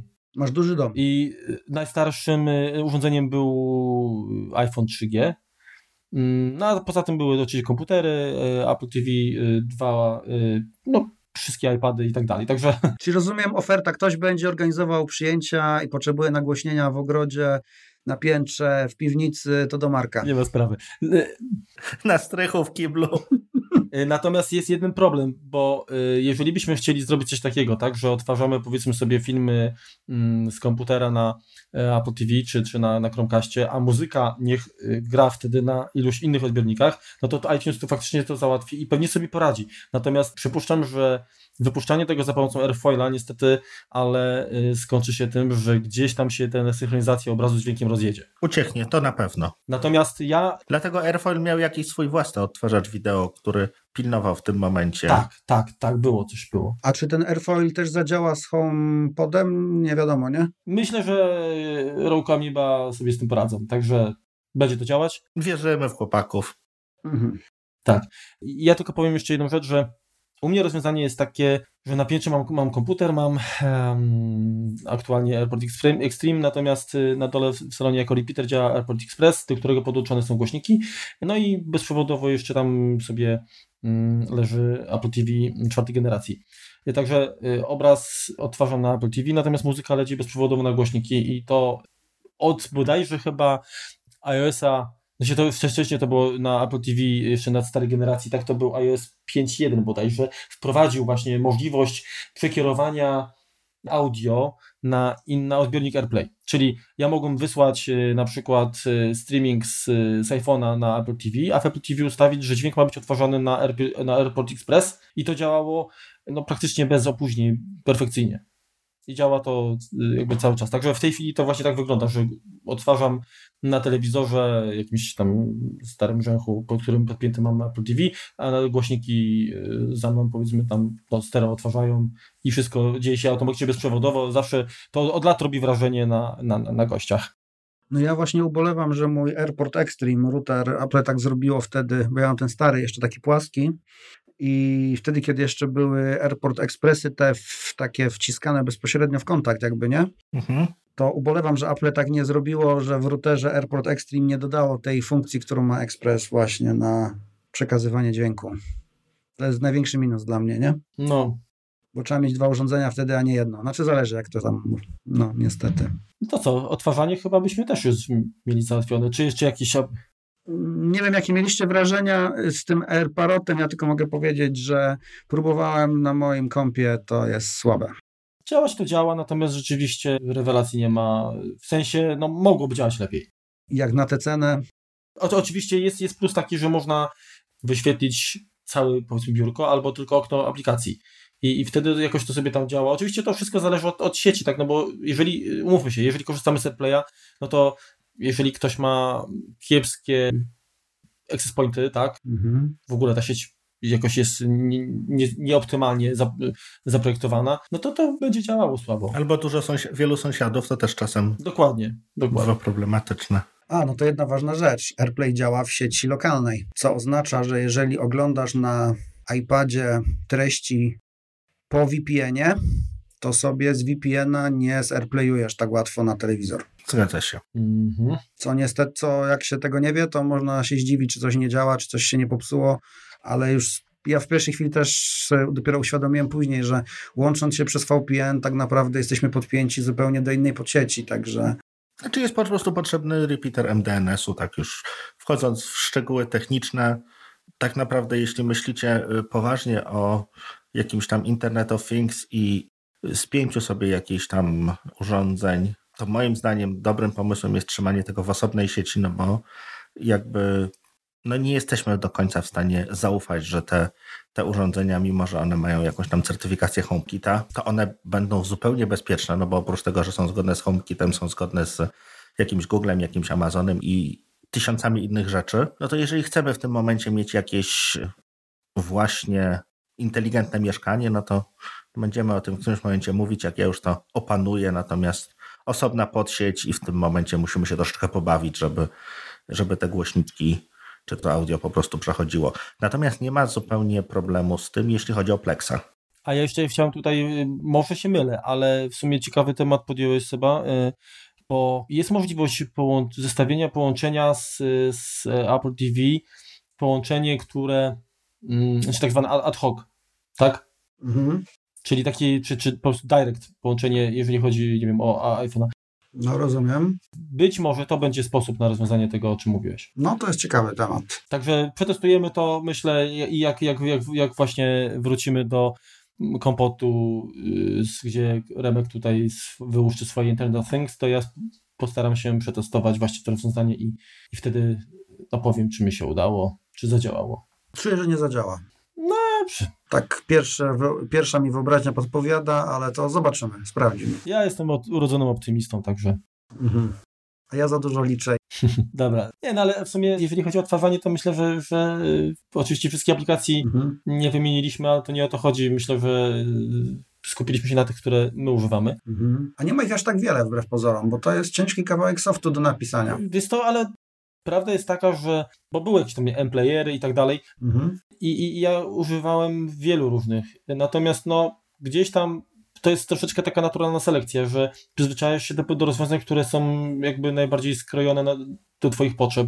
I, i, I, wydaje mi się, że ta lista, którą tutaj przedstawiliśmy, jakoś po, potwierdza czy pokrywa to, że, one, że te aplikacje są najbardziej przemyślane, aczkolwiek mhm są pewnie użytkownicy, którzy mają specyficzne wymagania i twierdzą, że nie, no akurat tam, nie wiem, PIM na przykład nie daje, albo VLC się nie daje, tylko jakieś, jakieś inne rozwiązanie, którego może nazwy znamy, ale, ale jakoś nie braliśmy pod uwagę. Mm, jak już, to, jak, już tym, jak już o tym powiedziałeś, to tylko mogę dodać, że VLC da się uruchamiać z terminala. Mhm. I wspomniałeś Emplayer. Ja jestem użytkownikiem, który gdzieś tam tego Emplayera ma zainstalowanego i czasami ci powiem, że jak miałem jakieś takie, takie rzeczy, które są powiedzmy podpięte na zdalnym serwerze i, i sobie, wiesz, tam w Finderze szukałem, albo na przykład w terminalu, to wolałem odpalić film, wywołując polecenie z terminala, Emplayer, mm -hmm. tam spacja nazwa pliku, nie? Bo było mi tak szybciej, powiedzmy, niż odpalać VLC, robić tam komand o, szukać po ścieżce, gdzie jest ten film, no nie wiem, to jest takie, wiesz, pomocnicze. Remku, chyba skończyliśmy odtwarzanie, nie? Dobra, to co, teraz e, my będziemy więcej słuchać, e, a Sebastian będzie nam o, matko. Opowiadał o... No bo przeszliśmy z części ripowania do oglądającej. Tak, tak. Czy zakupowej, czy, czy streamowej, czy... Zakupowej, no tak, tak, dokładnie. No więc główne rozgraniczenie, no możemy albo kupować filmy czy seriale à la carte, czyli po prostu tak jak kiedyś mhm. kupowaliśmy sobie płyty, czy, czy dalej możemy kupować płyty, Natomiast no, powoli już na szczęście coraz bardziej opłaca się również korzystać z tych nośników cyfrowych. Jeżeli myślimy o, o wysokiej rozdzielczości, czyli o 4K, no to płyty Blu-ray 4K są po prostu nieziemsko drogie, szczególnie w Polsce. No jeżeli tam kombinujemy, ściągamy z jakiegoś Amazonu, no to aż takiego bólu nie ma. Natomiast u nas bez 120 zł, no to chyba nie ma w tym momencie podejścia, przynajmniej ja nie znalazłem. No to prawda. Więc. E, Za granicą jest taniej. Tak, u nas jeśli chodzi o, o nośniki, jeśli chodzi o. Znaczy tak, bardzo tanie są DVD-ki, tak? No bo tak jak, mhm. tak jak już wspominaliśmy, można normalnie kupić za 19 czy, czy, czy nawet 10 zł firmy, które no nie są szczególnie stare. Może nie zawsze nowości, natomiast no taką powiedzmy już tą drugi rzut, nazwijmy to. Natomiast Blu-raye, a, a szczególnie te Blu-raye 4K, no to są jednak, jednak dość, dość kosztowne. Czyli moglibyśmy zacząć właśnie przy tych technologiach, bo może tak jak mówisz, można albo kupić, obejrzeć sobie po fakcie, albo w ogóle obejrzeć na żądanie, albo obejrzeć na żywo. To też jest drugie rozgraniczenie, tak? Oglądamy transmisję, która idzie na żywo, to może być film, to może być sport, a, albo oglądamy coś, co sami decydujemy, kiedy chcemy włączyć, tak? I obejrzeć. I przede wszystkim chciałem zacząć właśnie od wyjaśnienia może takich krótko ta, ta, takich terminów, które się pojawiają. Język angielski bardzo lubi takie skróty różnoliterowe i, i, i chcąc, nie chcąc, polskie różne serwisy technologiczne czy nie też używają tych skrótów, a niektóre znamy, a niektórych niekoniecznie. Mm, często jest tak, że pierwszym takim skrótem, bo często jest tak, że nie musimy wcale, żeby obejrzeć jakiś film, nie musimy go wcale kupować w ogóle, ani nawet wypożyczać, ani on jest po prostu dostępny jakby z powietrza, tak? Czyli pierwszym skrótem jest OTA, czyli tak zwany over the air. Nie jest to znowu może aż takie, znowu by się wydawało dziwne, ponieważ pamiętam, mignęła mi kiedyś jakaś strona amerykańska, gdzie był takie duży logo. Osiem najbardziej popularnych seriali na 10 w Stanach może być oglądanych z anteny, po prostu. Czyli nie trzeba płacić żadnego haraczu kablówką, prawda, satelitarnym operatorom, tylko mamy tak zwane over the air. W Polsce używa się określenia NTC, mhm. Czyli naziemna telewizja cyfrowa. Nie do końca jest to samo, bo po powietrzu możesz transmitować też analogowo. No ale u nas już analogówka została wycięta. I ten bitrate w dodatku jest tam często bardzo duży, no bo tak jak, tak jak mieliśmy kiedyś jeden kanał SD, no to teraz w tym kanale, w paśmie, w którym on był nadawany, tak analogowo, tych kanałów cyfrowych no jest puszczane najczęściej kilka. Natomiast jakość powinna być lepsza niż w kablówce, gdzie tych kanałów jest kompresowanych więcej e, po kablu, nie? Mhm. Tak mi się przynajmniej wydaje. Ja pamiętam na przełomie lat 90. i 2000, nie wiem jakie tam są Wasze wspomnienia, ale pamiętam, że gdy mówiono o telewizji cyfrowej, to się pojawiała wtedy tylko jako satelitarna, bo mówiono, że to jest zbyt drogo, żeby zrobić naziemną i tylko bogate kraje, tak jak Niemcy, będą w stanie to zrobić. No jak się okazało, przyszłość trochę jakby rozminęła się z oczekiwaniami, tym niemniej y, Polska jakby dołączając bardzo późno, korzystaliśmy na tym, bo dostaliśmy od razu jakby nową technologię, czyli MPEG 4, tak? Dobrze mówię. Zgadza się. Dlatego mój wiekowy telewizor nie potrafi tego odtwarzać, bo ma tylko MPEG drugiego. No ale już nie ma tego problemu, tak. Tak, i należy po prostu szukać urządzeń, które ma, y, tunerów, które mają taki skrócik DVB, myślnik Ty. Naziemny. Mhm czyli Terrestrial, czyli to jest tuner, który służy do odbioru takiej telewizji. E, no problem w Polsce jest taki, znaczy w ogóle nie tylko w Polsce. Jaki jest problem? Musimy mieszkać w odpowiednim miejscu. Nawet w Stanach Zjednoczonych może tak być, że jeżeli mieszkasz w Nowym Jorku, masz apartament na parterze, dookoła są bloki, do widzenia. Postawisz antenę na balkonie, nie sięgnie. Ja z Jaromirem, jak rozmawiałem ostatnio, to on pod Wrocławiem w Osolinie musiał kierować antenę na nadajnik w Śremie z tego względu, że Osolin jest w jakiejś tam kotlince, odgrodzony od Wrocławia i po prostu nie łapał. Ale myślę, że jak mieszkamy obojętnie, czy w dużym mieście, czy gdzieś na wsi, no jakiś maszt w zasięgu mamy, 20 bodajże chyba w tej chwili jeden kanałów, no coś tam na pewno da się znaleźć. W razie co anteny można ten, do góry na dronie wiesz, wyciągnąć.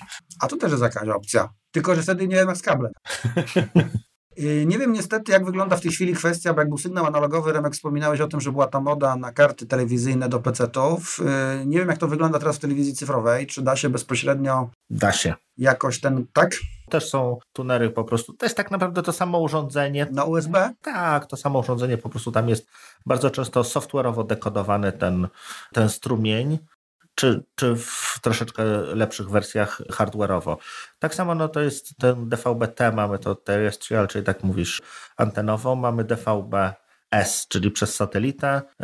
To co, to, co dostajemy od operatorów. I chyba C. To jest kablówka. To jest, to jest kablówka. kablówka. To jest C, mhm. czyli kablówka. No i H to jeszcze y, dla telewizji komórkowej, czyli handheld. Mhm. Natomiast to, to na szczęście się chyba nie bardzo przyjęło. No, podobnie będziemy mieli, jeżeli spotkamy gdzieś oznaczenie FTA, to jest właściwie tak samo, free to air, tylko jest to określenie używane w przypadku operatorów satelitarnych. I tam będziemy mogli oglądać filmy na kanałach, które są. To są takie kanały, których po prostu ani NC, ani cyfrowy Polsat, ani żaden inny nie może nam ich usunąć. one po prostu są na transponderze, na satelicie, decyzją właściciela tych kanałów. Jeżeli on ich nie usunie, to one są i mamy prawo. Jak nastawimy antenę, jeżeli złapie obraz, jest, działa pięknie. Tak? Najciekawszym, rzadko może używanym w Polsce terminem jest OTT i tu trzeba wyjaśnić, bo to oznacza over the top. E, był taki film z... ze Stalonem. Tak jest. I to się tłumaczyło ponad szczytem. Hmm. Tymczasem to w żargonie, w żargonie takim informatyczno-technicznym oznacza to usługę, która jest dostarczana do odbiorcy końcowego po jakimś, po infrastrukturze pośrednika, ale pośrednik jakby w ogóle nie pobiera za to opłat, nie ma nic z tym wspólnego. No, na przykład Netflix, nie? Czyli generalnie jest jakiś nadawca, jesteś ty odbiorca, nadajesz, odbierasz sobie obraz po internecie, który masz dzierżawiony od kablówki, ale kablówka w ogóle nie ma żadnego wpływu e, na to, co się tam dzieje na łączu. Głównie ze względu na zasadę neutralności internetu, która jak wiemy ostatnio w Stanach jest zaburzona, więc nie wiadomo jak będzie to w przyszłości. Kolejną rzeczą jest IPTV. Być może niektórzy twierdzą, że jest to przyszłość. E, Orange na przykład ma taką usługę, czyli jakby sygnał telewizyjny nadawany hmm, no po światłowodzie, ale niekoniecznie. W zasadzie dowolnie, dowolnie do dowolnego urządzenia, które ma jakiś adres IP, tak? Mhm. Trzeba tutaj od razu powiedzieć, o, bo będziemy mówili dalej o streamingu, jaki jest problem technologiczny. Jeżeli na przykład nadajesz mecz na żywo w telewizji, y, znaczy idzie przez antenę, tak? To powiedzmy te milion osób, które ogląda, załóżmy jakiś mecz kolejorza, czy tam Remek jest pewnie kibicem Legii, nie wiem. Cudzoziemskiej. To wystarczy, że każdy sobie ustawi te milion anten i odbierze ten sygnał. Tak, jeżeli jest tylko odpowiednio zasięgów, masztu i tak dalej. Niestety technologia internetowa jest tak zrobiona, że każdy użytkownik ma swój adres IP zewnętrzny, wewnętrzny, jakby nie wchodząc w to, więc to oznacza, że dla każdego odbiorcy trzeba wygenerować osobny stream. Prawda? Czyli milion takich w tym momencie transmisji, co niestety oznacza opóźnienia, oznacza koszty, oznacza inwestycje w infrastrukturę i jest jednym z przyczyn tego, że tak długo musieliśmy jakby czekać na usługi tego typu właśnie. Usługi typu, ja tu sobie napisałem SVOD, ja na to mówię VOD. Jaka jest różnica? Ponieważ VOD, VOD, czyli video on demand, video na żądanie, a w nawiasie to S oznacza streaming video on demand. Poza tym, y, dlatego że jeżeli chcemy oglądać coś na żądanie, właściwie nie musimy mieć chyba nawet internetu. Wydaje mi się, że w kablówkach na dekoderze taka funkcja Y, działała. Na niektórych dekoderach tak. Tak, prawda? To znaczy to jest taka klasycznie, iTunes w pewnym momencie też był takim video on demand, bo nie można było kiedyś oglądać filmu, zanim się nie pobrał do cache'u, tak? Jak się go wypożyczyło. Teraz już jest tak, że proponuję od razu, czy chcesz zacząć oglądać, tak? Okej. Okay. Natomiast klasyczne wideo na żądanie jest takie, że musisz pobrać gdzieś tam na dysk wewnętrzny wbudowany w dekoder i oglądasz. A SWOT jest po prostu takim, że po prostu no, streamujesz. Nie, też się coś tam zapisuje na dysku, jakaś mała porcja tej paczki, czy tej info, ale jakby... No, taki bufor po prostu. Idzie to po łączach i zależy jedynie od tego, jakie masz szybkie łącze i jak serwery nadawcy funkcjonują. No i jak już mówiliśmy, można mm, oglądać w tej chwili treści w trzech różnych jakościach czyli SD, czyli e, ta jakość, którą oglądaliśmy w latach 90., po prostu z anteny, czy też z sieci zbiorczej. E, nikt wtedy nie nazwał tego SD, bo po prostu innej nie było. Jest to bodajże 576 linii w poziomie, znaczy 576 linii poziomych, tak? Licząc jakby od góry do dołu. W palu, tak? W palu, a w sekamie nie pamiętam. Tyle samo. Dawno nie oglądałem. W NTSC mniej. Tyle samo? 620. Mhm. Tak, w każdym razie chyba w ogóle nie, jestem ciekaw, czy ktoś jeszcze wie, co to jest SECAM. Młodzież chyba już nie. Ja wiem, co to jest NTSC.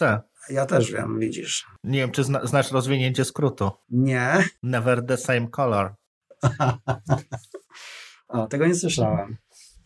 Mamy też jakość HD, w zasadzie w dwóch takich wariantach, 720 i 1080. To oznacza liczbę linii znowu poziomych. No i 4K. Mhm. 4K to nie wiem ile to jest do końca pikseli, tam 2049 na 4096. Remek się Wiesz co, to różnie jest tak naprawdę opisywane, no tak jak to HD było HD, no to to 720p też było nazywane HD, były tam jeszcze jakieś pośrednie. Albo HD Ready tak na telewizorach było, tak? Jeżeli potrafiły tylko tyle wyświetlić. No. To tutaj z tym, z tym 4K też jest, jest chyba różnie. I generalnie mm, samo 4K oczywiście w rozdzielczości tak nie robi dużej różnicy jak ten cały HDR, o którym może tam nie jestem w stanie zbyt dużo powiedzieć, ale generalnie przyjmuje się, że 4K, mm, gdyby tak jakoś uzmysłowić to słuchaczom, 4K e, odpowiada rozdzielczości dawniejszej 38, takiej taśmy filmowej, której powiedzmy był potem obraz rzucany, nie? Wiesz no to różnie, bo jeżeli ona jest skanowana, no to ona jest skanowana w, w 8K. No, okej, okay, ale jakby teraz, więc to... Znaczy wiesz, porównywanie jest może ciężkie, znaczy trzeba też pamiętać, że kiedyś e, w kinach też było kilka standardów. Ależ oczywiście tak. Kilka szybkości, kilka szybkości przewijania taśmy. Nie było tylko standardów obrazu 4 na 3 i 16:9, tylko jeszcze parę innych. Wiesz co, kiedyś miałem okazję rozmawiać z operatorem w kinie, on mi to wszystko tak genialnie, wiesz, wytłumaczył, że po prostu aż żałuję, że nie notowałem, bo bym teraz mógł się chwalić.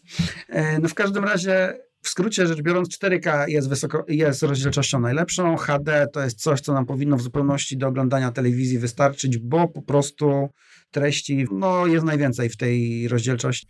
SD no, to jest właśnie taka rozdzielczość starodawna. Niestety mnóstwo kanałów jeszcze wciąż tym idzie. Nie wiem, czy wy rozróżniacie w ogóle y, tak na, naocznie HD od SD? No pewnie, że jest różnica. Tak. Znaczy ja wiem, że jest różnica, ale są, wiesz, ludzie, którzy jeszcze tak daleko się nie posunęliśmy w wieku jeszcze rozróżniamy. No to super. A 4K od HD? Wiesz co, ja nie odróżniam, bo mój telewizor nie wyświetla 4K. A na monitorze nie dałbyś rady? YouTube niektóre treści ma w 4K? Znaczy tak, to, to faktycznie jak tam, nie wiem, uruchomię tam, nie wiem, ekran ten Retina ma 2880 tam i, i tego to rzeczywiście, no jak ja tam pikseli nie widzę, no to jest, jest po prostu ogień, tak? Mhm. Także no faktycznie, ale, ale na monitor komputera patrzę no jednak z innej odległości niż, niż na telewizor. Mhm, mhm. Tak po prostu siedząc przy komputerze, tak nie wiem, ten metr od, od ekranu i nie, jeżeli się będzie, będziesz przyglądał, tak, to wtedy widać różnicę. Mhm. Natomiast powiem szczerze, większą różnicę widać, jeżeli coś ma 60 klatek, mhm. niż, niż właśnie 4K. No mówi się teraz, że transmisje sportowe w streamingu powinny być w 60 bo na dużych telewizorach, zwłaszcza w 30, to się nie da oglądać. Golfa w promotion trzeba oglądać, wiesz, tam jest tyle akcji. W każdym razie mm, to, co jest jeszcze, co, co mnie kiedyś właśnie za, zaciekawiło, w ogóle skąd to się wzięło, że, że możemy sobie tak ten streaming oglądać. Okazuje się, że wszystko dzięki baseballowi się stało i tu się można zastanowić jak, ale co w ogóle baseball ma wspólnego ze streamingiem? Otóż ma bardzo dużo ponieważ amerykańska liga baseballowa MLB e, była jedną z pierwszych, która stanęła przed takim problemem, że jednak coraz więcej młodych ludzi nie ma telewizji, e, odcinało tak zwane, byli tak zwanymi odcinaczami gniazdka. Chcieli oglądać przez internet, są finały, no i trzeba dostarczyć jakoś ten sygnał do milionów potencjalnych odbiorców. I w tym celu MLB utworzyło jakąś taką osobną spółkę, MLB Advanced Media, mm, która jest według mnie jedną w tej chwili z trzech istniejących firm e, na świecie, która ma ogromną wiedzę na temat tego, jak to się powinno robić. Pozostałe dwie firmy to jest Amazon, ze względu na swoją wiedzę o chmurach, być może jeszcze Microsoft przez ten cały swój Azure. No i oczywiście Netflix, który korzysta z dużej liczby rozwiązań opatentowanych i wymyślonych przez siebie. I ciekawostka jest taka, że właśnie MLB, mm, ponieważ HBO w Ameryce tworząc nową usługę nie było w stanie sobie zatrudnić programistów odpowiednich, żeby to zaprogramować, wynajęło właśnie gości z MLB, którzy także później wspierali hokej, być może od tego roku także NBA jest nadawana dzięki ich know-how, także to było takim właśnie elementem ich wiedza, jakby jak to wszystko spiąć razem do kupy pod kątem infrastruktury, tego jakby konwersji sygnału telewizyjnego na, na streamowy. Dzięki nim właściwie dzisiaj jesteśmy w tych usługach, w tym miejscu, gdzie jesteśmy, nie? Nie wiem, jak, nie wiem jakie Apple miało tak jakby doświadczenia. Wiadomo, że Apple... Mm, Apple troszkę w internecie jest y, chyba trochę opóźnione w tym chociażby sensie, że iTunes bazuje na takiej bardzo antycznej webowej technologii, której nikt poza Applem nie używa. No ale z drugiej strony, zobaczcie, jak przez te wszystkie kinoty, jak musieli się podciągnąć, żeby tam Akama i serwery wytrzymywały. Przecież kiedyś to nie szło oglądać, a teraz jak już wpuszczają, to działa to rewelacyjnie. No więc pewnie, więc pewnie wiesz, no, jakaś tam wymiana myśli za kasę czy nie za kasę zachodziła w, tym w tym celu. Ja jestem pewien, że gdyby nie właśnie fani baseballu, to byśmy na takie rozwiązania techniczne czekali bardzo długo. Zresztą Amazon, tu taka ciekawostka mogę powiedzieć, że Amazon, ponieważ Amazon we wrześniu zeszłego roku za chyba 50 milionów dolarów kupił prawa do NFL, do meczy czwartkowych, 10 w sezonie i to kupił na cały świat. I gdzieś właśnie przeczytałem bardzo fajny artykuł, że udało im się zejść z opóźnieniem w stosunku do sygnału takiego na żywo z telewizji do 3 sekund. To bardzo ładnie. Ponieważ no, to jest duże osiągnięcie, ponieważ oni jakby, bo teraz czas uświadomić, co się dzieje. Taki sygnał, jak wchodzi na serwer, on musi być skonwertowany na różne rodzaje urządzeń, w różnych kodekach. W, jeden człowiek będzie chciał oglądać w SD, drugi 720, trzeci 1080, kilka ludzi ma Androidy, kilku ma Apple TV i tak dalej. To się musi dziać momentalnie jak widać, to jeszcze nie jest momentalnie. Czyli trzeba mieć świadomość, że oglądając coś na żywo przez internet, zawsze będziemy mieli opóźnienie, co jeżeli nasz sąsiad na górze będzie oglądał mecz i będzie bramka, no niestety może nas zdenerwować. No to doskonale widać, jak, jak y, oglądamy te keynote, tak, że niby wszyscy oglądały w tym samym momencie, ale pierwsze informacje pojawiają się na Twitterze, a dopiero potem pojawia się to nam w streamie. No ale na Twitterze chyba dlatego, że pisze. Ci, którzy są lokalnie i oglądają, tak. tak, tak, tak. Znaczy ja też taką ciekawą rzecz mogę z wami podzielić, jak oglądałem Oscary. To czasami to jest zupełnie niesamowite, bo niby wszystko idzie na live, ale niektórzy mają liwsze live. Wiesz, ABC w streamie w stosunku do Kanal Plus miało opóźnienie 3 sekundy, Sky szedł chyba równo, to jest po prostu jakiś, wiesz, i tak jak mówisz, na Twitterze ludzie którzy oglądają czasami z oglądali Oscary z jakichś nielegalnych streamów, mieli nawet szybciej niż legalne. To jest w ogóle fascynujące. Nie wiem, jak to się dzieje, nie? Także niestety, jeżeli chcesz nie psuć sobie niestety niespodzianek jakiś, tak, no to trzeba oglądać nie w streamie, tylko niestety no telewizyjnie i tu się chyba nic w najbliższych paru latach nie poprawi. Dobra, to, to teraz ja mam pytanie, bo kurczę tutaj już tych, tych y, standard definition, high definition i w ogóle innych y, y, skrótów wyjaśniliśmy wszystko właściwie. Jak wy się zapatrujecie w filmy? Czy korzystacie głównie ze streamingu, czy kupujecie w iTunesie, czy płyty zdecydowanie najbardziej, bo ja ze swojej strony tylko krótko, krótko, także chwila, powiem, że bardzo mi się podobało możliwość jakby pobierania filmów z iTunesa, ale to były te czasy takie, jak, jak to raczkowało i y, u nas nie działało jeszcze coś takiego jak filmy in the cloud, tak? Inaczej mówiąc, to co ja y, ściągnąłem w iTunesie, y, bo Apple na przykład dawało przy okazji jakichś tam, nie wiem, świątecznych promocji czy coś takiego, ja nie, nie miałem kopii zapasowych, to potem mi to wszystko po prostu szlak trafił. Ja się zraziłem. Dlatego ja w tej chwili nie mam żadnego. Mogli ci oddać. No dobrze, ale wiesz, nie będę się bił. Generalnie chodziło mi o to, że skoro gdzieś tam w historii do mojego konta było przypisane, że taki coś powinienem mieć, no to jaki jest problem wziąć to po prostu mi tam udostępnić, tak? Nie ma. No nie ma problemu, no ale ja do tych, oddali Kevina. Do tych treści nie miałem z powrotem dostępu. Później już nie, nie szukałem, nie sprawdzałem.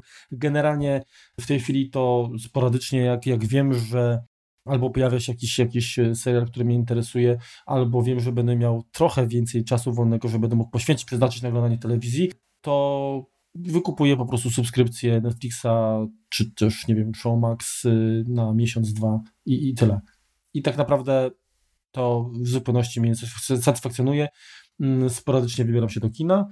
Płyt nie kupuję, no chyba, że to są jakieś koncerty, na przykład, y, no nie wiem, Michael Fielda, który niestety nie koncertuje od wieków, także nie, nie wydaje tych pieniędzy na to. I w zasadzie tyle. A jak to jest u Was? To ja może, bo to u mnie też pewnie będzie krócej. Bardzo długo kupowałem DVD i to często były jakieś tam gazetówki, nie gazetówki generalnie w którymś momencie stwierdziłem, że mam tego za dużo i, i nie nadążam tego oglądać i zacząłem troszeczkę trochę wybierać, tak? Od jakiegoś czasu kupowałem, od jakichś dwóch lat, właściwie tylko Blu-raye, bo stwierdziłem, że nie ma sensu inwestować w, w jakość SD i skupiłem się na tych Blu-rayach. No ale z racji tego, że one są dalej, no zdarza się znaleźć Blu-raya tam za 30 zł, czy, czy, czy nawet czasem troszkę taniej. Natomiast no jest to, jest to dość, dość kosztowne, tak? Jeśli, jeżeli film na premierę oscyluje w, okołach, w okolicach, nie wiem, 80-100 zł, no to, to, to nie jest to takie różowe już niestety. Od jakiegoś czasu najpierw miałem subskrypcję Netflixa jeszcze taką przy użyciu VPN-u, chwilkę. Całkiem mi się to podobało, natomiast brak czasu nie, nie pozwolił mi jak gdyby się tym cieszyć dłużej i po prostu zrezygnowałem z tego. Z racji dobrodziejstwa inwentarza mam subskrypcję aktualnie Showmaxa, natomiast tak szczerze mówiąc, poza jakimiś pojedynczymi starymi filmami, które tam się znajdują i uchem prezesa, to nie ma co tam oglądać. Przynajmniej dla mnie. Natomiast no, mam to w abonamencie z dobrodziejstwem inwentarza, więc, no, więc po prostu jest, bo jest. Czemu w abonamencie? Z czego? Z T-Mobile'u? W Playu. A, w Playu, okej. Okay. No chyba rok mam darmowe czy coś takiego. No nie wiem, jak mi się to skończy, to się będę martwił. Mm, ja mam miesiąc darmowy w Showmaxie, bo walentynki promocja jakaś. Aha. Nie, to ja nie walentynków, ja mam to tak. tak normalnie. Znaczy może powiedzmy, że Showmaxa można mieć była taka promocja i co jakiś czas się pojawia, że jeżeli zamówisz cokolwiek do paczkomatu, wpiszesz kod paczki, to masz 30 dni gratis. O. Aha, to nawet o tym nie wiedziałem. No. Zdarza mi się i to mam tak naprawdę włączam na dwa miesiące w roku Amazon Prime Video i oglądam tam Grand Toura. Pierwsze, pierwszą i drugą, pierwszy i drugi ten sezon obejrzałem. Przy czym też, jeśli chodzi o polskie warunki, to, to jest bieda straszna, bo tam nie ma polskiego języka, nie ma napisów, y, więc... W Grand Tourze nie ma akurat, no. To jest słabe. No, ale w innych, w innych treściach też tam jest mocno ubogo. No, niestety. Jest to bardzo tanie, no bo to kosztuje chyba tam, nie wiem, 3 euro y, miesiąc, więc jakby... To jest tak, że przez pół roku masz 3 euro, potem cena skacze do 6. O. No, nigdy nie dotarłem. Dla nowych userów. No, widzisz, no. Nigdy nie dotarłem tak daleko, bo w sumie pewnie to miałem za, za 4 miesiące, natomiast no, z tego korzystałem i od jakichś dwóch miesięcy wróciłem do Netflixa, jeśli chodzi o streaming. Po prostu rodzinnie, może dzieci trochę dorosły i więcej z tego korzystają, więc również mam Netflixa. Zdarza mi się również ostatnio kupować filmy na iTunesie, takie, których nie ma po prostu w tym streamingu. No i tutaj się posiłkuję czasami Twoimi, Sebastianie, linkami z, z promocjami. Dziękuję. I to też jakby wszystkim polecam, to, to jak najbardziej podlinkujemy to, żebyście wiedzieli, kiedy i co można troszeczkę taniej kupić. To, co mnie skłoniło do iTunesa, to jest to, że część treści jest dostępna w 4K. Niestety tylko to 4K jest na Apple TV 4K, czyli nawet jeżeli macie jakiegoś wybajeżonego Maca czy iMaca. O, tego nie wiedziałem z super wyświetlaczem, to on, to są tylko, tylko te treści można, z tego co kojarzę, na na tym iMacu 5K nie pójdzie? Ale on nawet nie pokazuje, jeżeli uruchamiasz iTunes, no to nawet jeżeli coś jest napisane, jest napisane, że jest dostępne Przecież to są 4K. No, to na 4K, nie na 5K. To na dole masz tylko opis, to na dole masz tylko opisane te pojemności, tak, ile, ile ten download zajmie, no to masz napisane, opisane Full HD i SD. Nie ma tam słowa o o 4K. Myślę, że tych materiałów 4K jako takich po prostu nie można ściągnąć tylko na Apple TV, bo, bo, bo to jest streaming, tak? To jest ciekawe, czy to jest jakieś przeoczenie Apple'owe, czy kwestia licencyjna? Raczej kwestia licencyjna. Podejrzewam, że wiesz, no z jednej strony zrobili ten upgrade darmowy. O właśnie, no. W którym tam część filmów dostaliśmy jak gdyby osoby, które miały, miały zakupione filmy Full HD.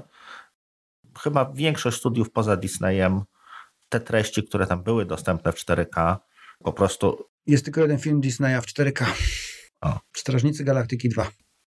Disney ma oczywiście ogromny katalog, ale zanim oni to z taśm matek, te stare bajki przerobią, to jest do zrobienia, tylko to wymaga czasu, pieniędzy. Oni akurat na biednego nie trafiło, ale, ale zwróciłeś uwagę na kinocie Apple'owym, jak reklamowali ten deal. Tam wymieniono różne studia, tak? To właśnie Disneya nie było. Disneya nie było, no. To był wielki nieobecny, no tak. A na widowni siedział prezes Disneya, który przypomnijmy jest członkiem Rady Nadzorczej Apple. Taka ciekawostka. No, być może Disney po prostu własną usługę uruchomi i tyle. No, najprawdopodobniej tak. E, dobra, to jeszcze dokończę to, co jest jakby minusem iTunesa, tak? Czyli, tak jak mówiłem, no jeżeli z, mam ten film na Blu-rayu, no to niech, niech będzie, że on zajmuje 30-40 giga. Ten sam film ściągnięty przez iTunes będzie miał jakieś 5, no może 7 gigabajtów.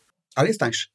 Ale jest tańszy. Ale ta jakość jest jakby, no niby to jest też Full HD, Full HD, natomiast bitrate jest mniejszy, mimo że Apple ma bardzo dobrze zakompresowane filmy, w sensie jeszcze jest jakość kompresora ważna, tak? No bo tam można, można przy tym MP4 jakieś cuda robić i dobry kompresor jest w stanie przy mniejszym bitrate zachować wyższą jakość, tak? Nie, nie wnikając tutaj jakby w, w szczegóły techniczne, no to, to mimo wszystko, no jakby te, to nie jest coś, co widzę, natomiast coś, co jak gdyby gdzieś tam z tyłu głowy mi, mi siedzi. Natomiast to, co mnie przekonało, no to jest ta kwestia tego 4K. W tym momencie, no, tych filmów, które mam na DVD, no, no nikt mi nie zaupgrade'uje w tym momencie, tak? Czy, czy, czy na HD, czy, czy na 4K. Blu-rayów też na płycie. No, ten plastik, który kupiłem, zostanie plastikiem. Natomiast plusem tych zakupów cyfrowych jest taki, że no może za jakieś tam 2-3 lata nie będę musiał tego kupować drugi raz, bo będę miał możliwość czy bezpłatnego, czy płatnego właśnie upgrade'u treści do, do wyższej jakości, więc to mnie przekonuje. Tak a propos, jak mówisz jakości, to po, y, możesz zauważyć, znaczy, możesz sobie zrobić takie ćwiczenie, jak rozróżniasz bitrate'y, obejrzy sobie jakiś zwiastun jakiegokolwiek filmu tubie i na portalu Apple'a, mm, Apple Trailers, bo Apple ma trailery w lepszej jakości, bo idziemy lepszym bitrate'em zakodowany niż to, co YouTube daje. Tylko wielu ludzi pewnie tego nawet nie zauważy. To chyba więcej zajmują, bo także musisz możecie jakby zobaczyć, y, porównać jakość, nie? Czy to ma w ogóle jakieś znaczenie. Ja jestem nietypowym przypadkiem, może trochę. Znaczy, rozumiem, pominiemy może ten okres, może taki studencki, kiedy wiadomo, że się wymieniało filmami na, na płytach wypalanych. Burwy. Ja to wymieniałem kasety VHS.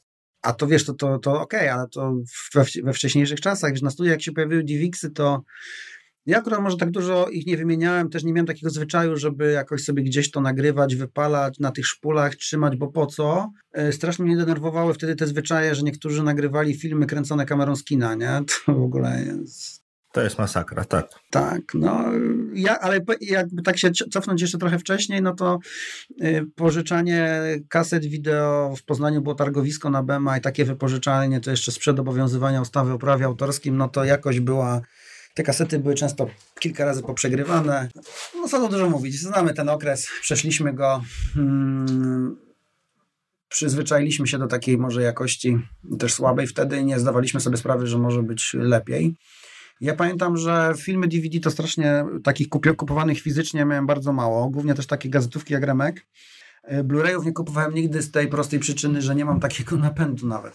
W związku z tym ta rewolucja mnie jakby obeszła i też nie chciałbym wydawać no, powyżej 100 zł za film, zwłaszcza, że nie mam też dobrego systemu dźwiękowego w domu, więc wydaje mi się, a ty Marek jesteś większym wyczulony na dźwięk, ale wydaje mi się, że chyba bez dobrego kina domowego Blu-raya mm, nie ma chyba co.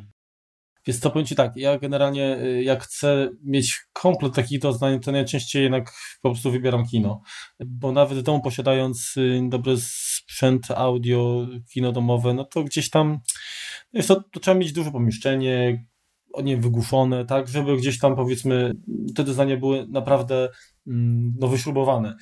Ja powiem Ci szczerze, że może z racji tego, że więcej jestem, bardziej jest mi blisko do muzyki niż do filmu jednak, mhm.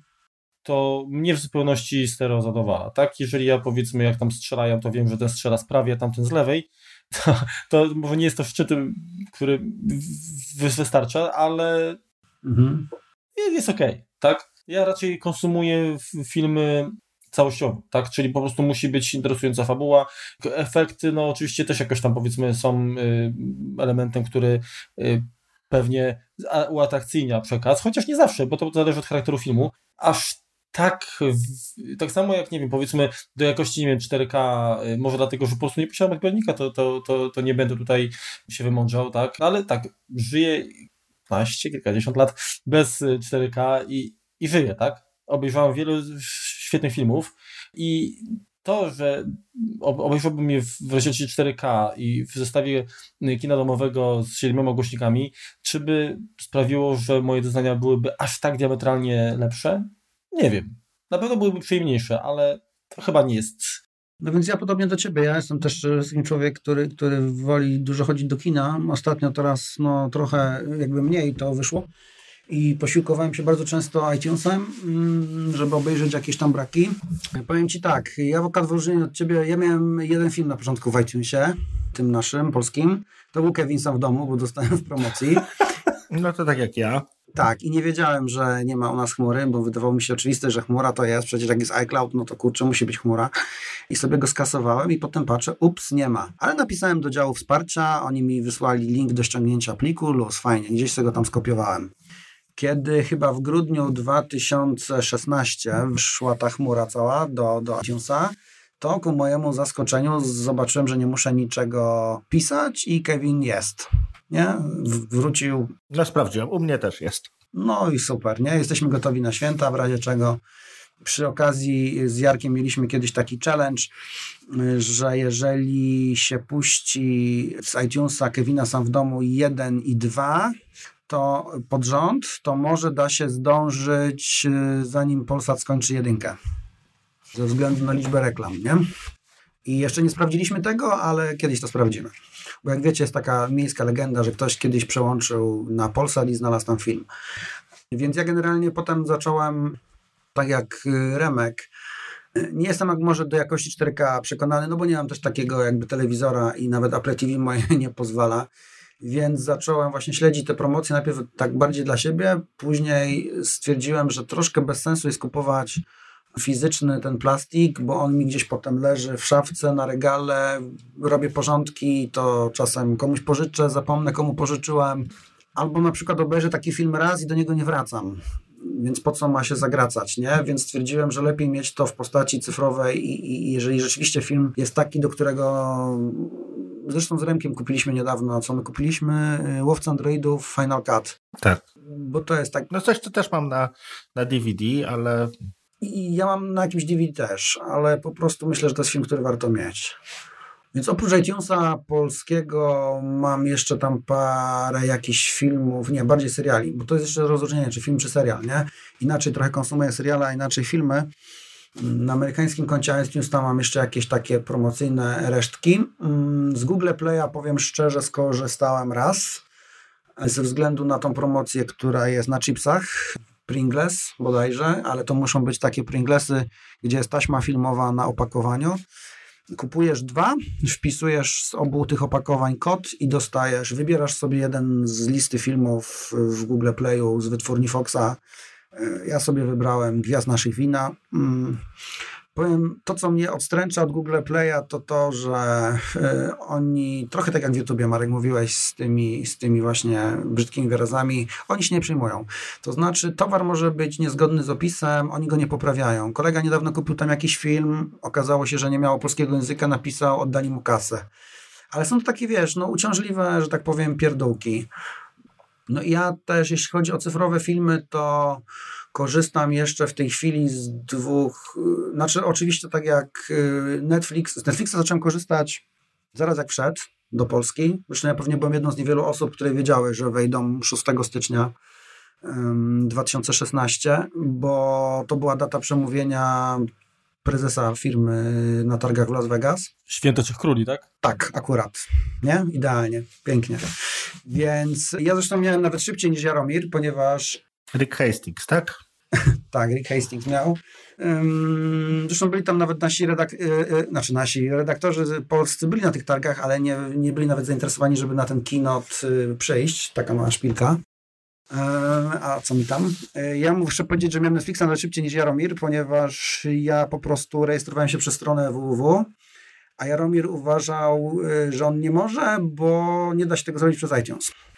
O, taka ciekawostka. Nawiasem mówiąc, Netflix jest jednym z niewielu chyba przykładów, gdzie subskrypcja wykupywana przez iTunesa była tak samo droga jak przez stronę www. A nawet tańsza. To znaczy takie, że bo tam e, w Netflixie masz trzy, trzy rozgraniczenia. Tak, SD wtedy są dwa. Tak. Na dwóch naraz można oglądać. HD. Na jednym. Na jednym. No możliwe. Ja mam środkowy. Dwa urządzenia naraz i HD. Mhm. Ta jest tańsza w, i ta właśnie jako jedyna jest tańsza w, w iTunesie niż, niż bezpośrednio przez stronę. Tam jest różnica jakieś chyba 5 zł i ta najwyższa, gdzie można jest 4K i chyba na trzech urządzeniach naraz można oglądać, czy czterech? Cztery. Już nie pamiętam. To ona jest tańsza przez stronę. Sam jakoś tak wyszło z, z tych przeliczeń dolarowo-złotówkowo-eurowych, że jedna z nich jest, po prostu ta środkowa jest tańsza przez, przez iTunes. Przez pewien czas to był chyba jakiś błąd w Netflixie, oni potem go naprawili, a teraz mówisz, że znowu ona jest... Y, no w każdym razie wiele usług jakby jest droższa poprzez subskrypcję w iTunes, bo firmy muszą odpalać Apple'owi tam 30%. No najlepszym przykładem tego jest audioteka, tak? Bo tam ten film potrafi być dwukrotnie droższy nawet. O, no właśnie. Czasa, y, film, y, książka. No więc właśnie, więc Netflix sobie jako duży gracz wynegocjował coś z Applem, a nie chcieli powiedzieć do końca co, no nie dziwię się. No ja mam Showmaxa w tej chwili z tej walentynkowej promocji, tam to chyba zacznę jedyną tą Abi oglądać, może Jericho. Hmm. Netflixa mam przez cały ten czas, bez, znaczy po prostu czekałem, nie chciałem w ogóle piracić, na przykład Daredevila, specjalnie czekałem, aż Netflix wejdzie do Polski, żeby właśnie oglądać legalnie i House of Cards, i Daredevila, i tam Jessica Jones i tak dalej. No to już była pewna marka, tak? Przy okazji właśnie widziałem, jak wielu Polaków jest przyzwyczajonych do serwisów pirackich, do po prostu takich shit serwisów i jak wchodzi jakiś taki porządny serwis na, na rynek polski, to nie umieją się zalogować. Nagle się okazuje, że nie umieją zrobić płatności PayPalem. Większość Polaków nie ma karty kredytowej, ani w ogóle jakiejkolwiek do bankomatu. E, niektórym się nie podobało to, że co to jest w ogóle za serwis, skoro menu ma po angielsku, nie? Mimo, że pełno jakby filmów na starcie już miało polskie napisy, a niektóre nawet lektora. Wiesz co, no ja po prostu nauczyłem się w momencie premiery Netflixa więcej o naszej blogosferze niż poprzednio. A, taka dygresja. Czego jeszcze w sumie używam? No używam może nieregularnie. Mm, w ogóle Remku, Remku robimy rozgraniczenie na serwisy polskie i niepolskie? Wiesz co, no tak, żeby łatwiej. No. Ale wiecie co, ja, ja bym powiedział tak, tak naprawdę to, co jest w Stanach mnie kurczę nie interesuje, tak, no bo to jest ani nie jest po polsku, ani nie jest dostępne bez jakichś tam zabiegów typu, nie jest Mardenes i tak dalej. Wspomnieć można, ale ja bym się nie rozwodził nad tym. Jesteśmy, kurde, bronimy swojej a ja właśnie się z Tobą nie zgodzę, ponieważ ja przede wszystkim używam tamtych. Akurat zresztą część jest także w Polsce dostępna, możemy je wymienić pokrótce. To jest zresztą taka kwestia, którą ja się często z Jaromirem toczyłem spory, bo jakby to powiedzieć, polski punkt widzenia dla Apple'a nigdy nie był istotny. I, i, i jakby. Ale jak, jak, nie będziemy walczyć o nas, o swoje, tak, to zawsze będziemy. Ale ty nic nie zrobisz. Apple nigdy ci nie, nie zaoferuje, w, nawet nie wiem, większość ludzi chyba nawet nie wie, że Siri będzie po polsku, także ja bym chętnie, słuchaj, zapłacił za różne usługi, które gdyby były w Polsce swoimi pieniędzmi, póki ich nie ma i być może niektórych się nie doczekamy, niektórych, nie, nie, niektórych treści nigdy nie będziesz mógł nawet legalnie obejrzeć, tak? Jakby idąc tym. Tylko y, takie sekundka, tylko ja wiem, że już Remek będziesz mnie gonił za to, ale jeżeli ja, tak, sobie powiedzmy poradzę, tak, to nie jest problem i będę korzystał z usług zagranicznych, to w tym momencie jak ja mam przekonać, że, że ja będę, że dla mnie warto usługę zrobić w, moim języku? Jak nie będziesz korzystać, też nie przekonasz.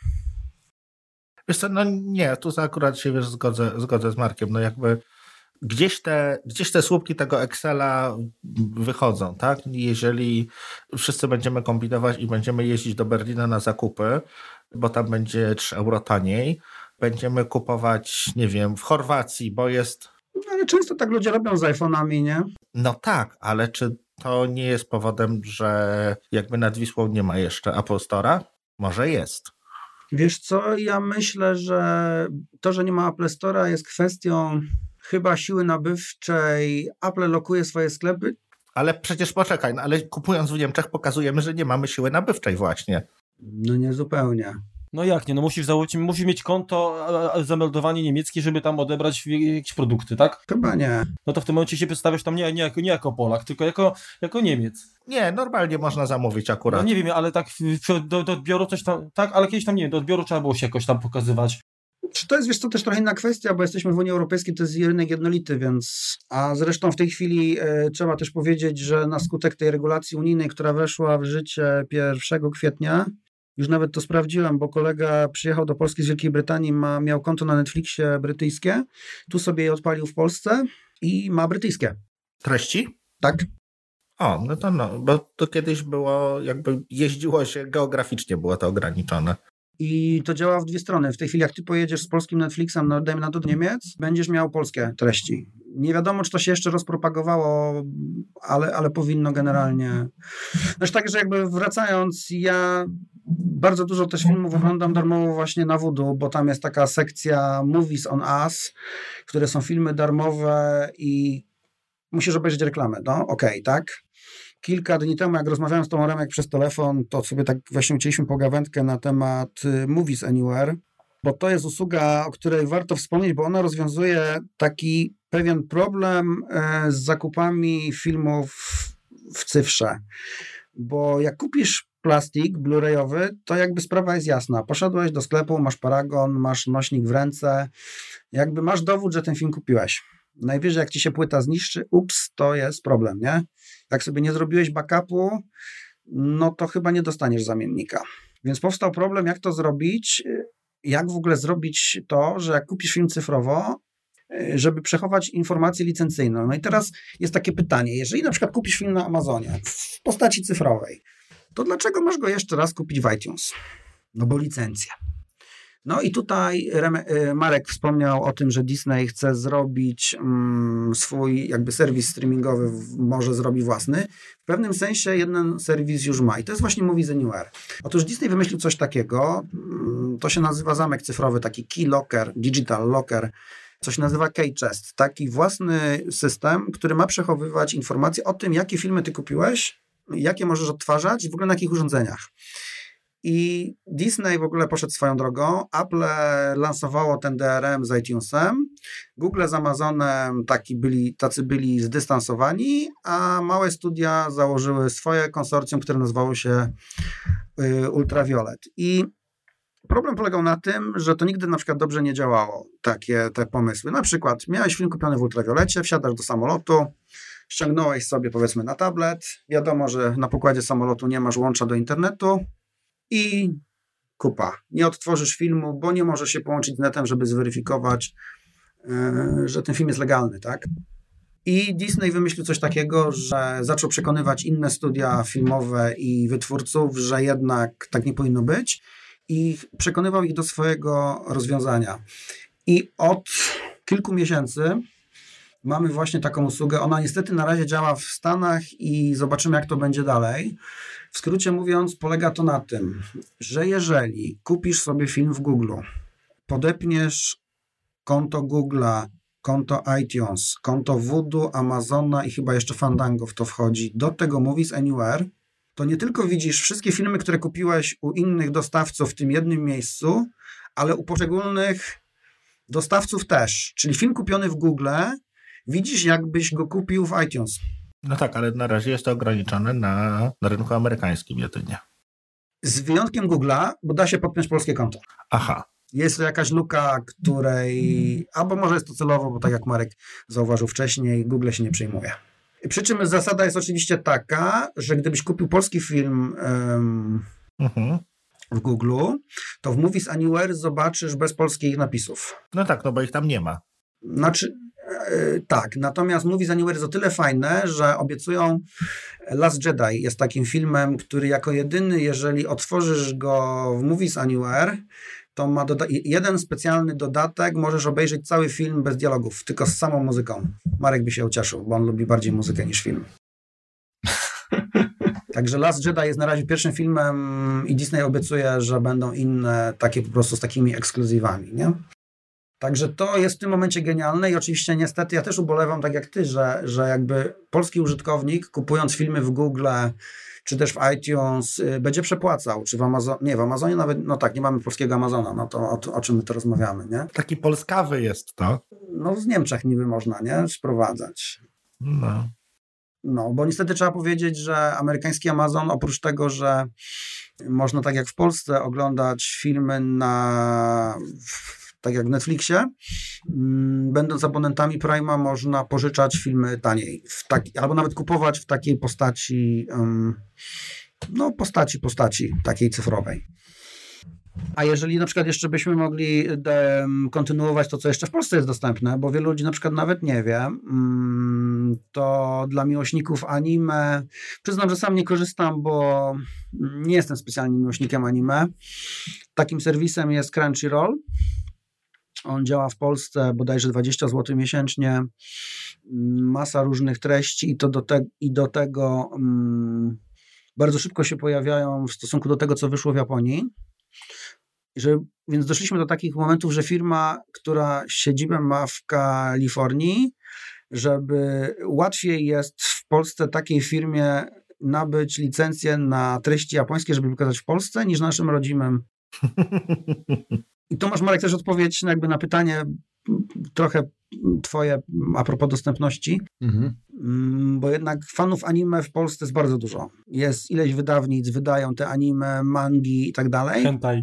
A mimo, a mimo to, o, hentaje, tak. A mimo to bardzo niewiele treści, nawet tych hentajowych, dostaniesz w Polsce legalnie. Hmm a siła nabywcza jest, nie? No. Jakby. Kolejnym serwisem, o którym pewnie nie każdy wie, a jest też dostępny w Polsce, jest Shudder. Też cena około 20 zł na miesiąc. Tam są tylko horrory. Mm, te, takie tam właśnie, gdzie dużo krwi bluzga i, i, i nie tylko.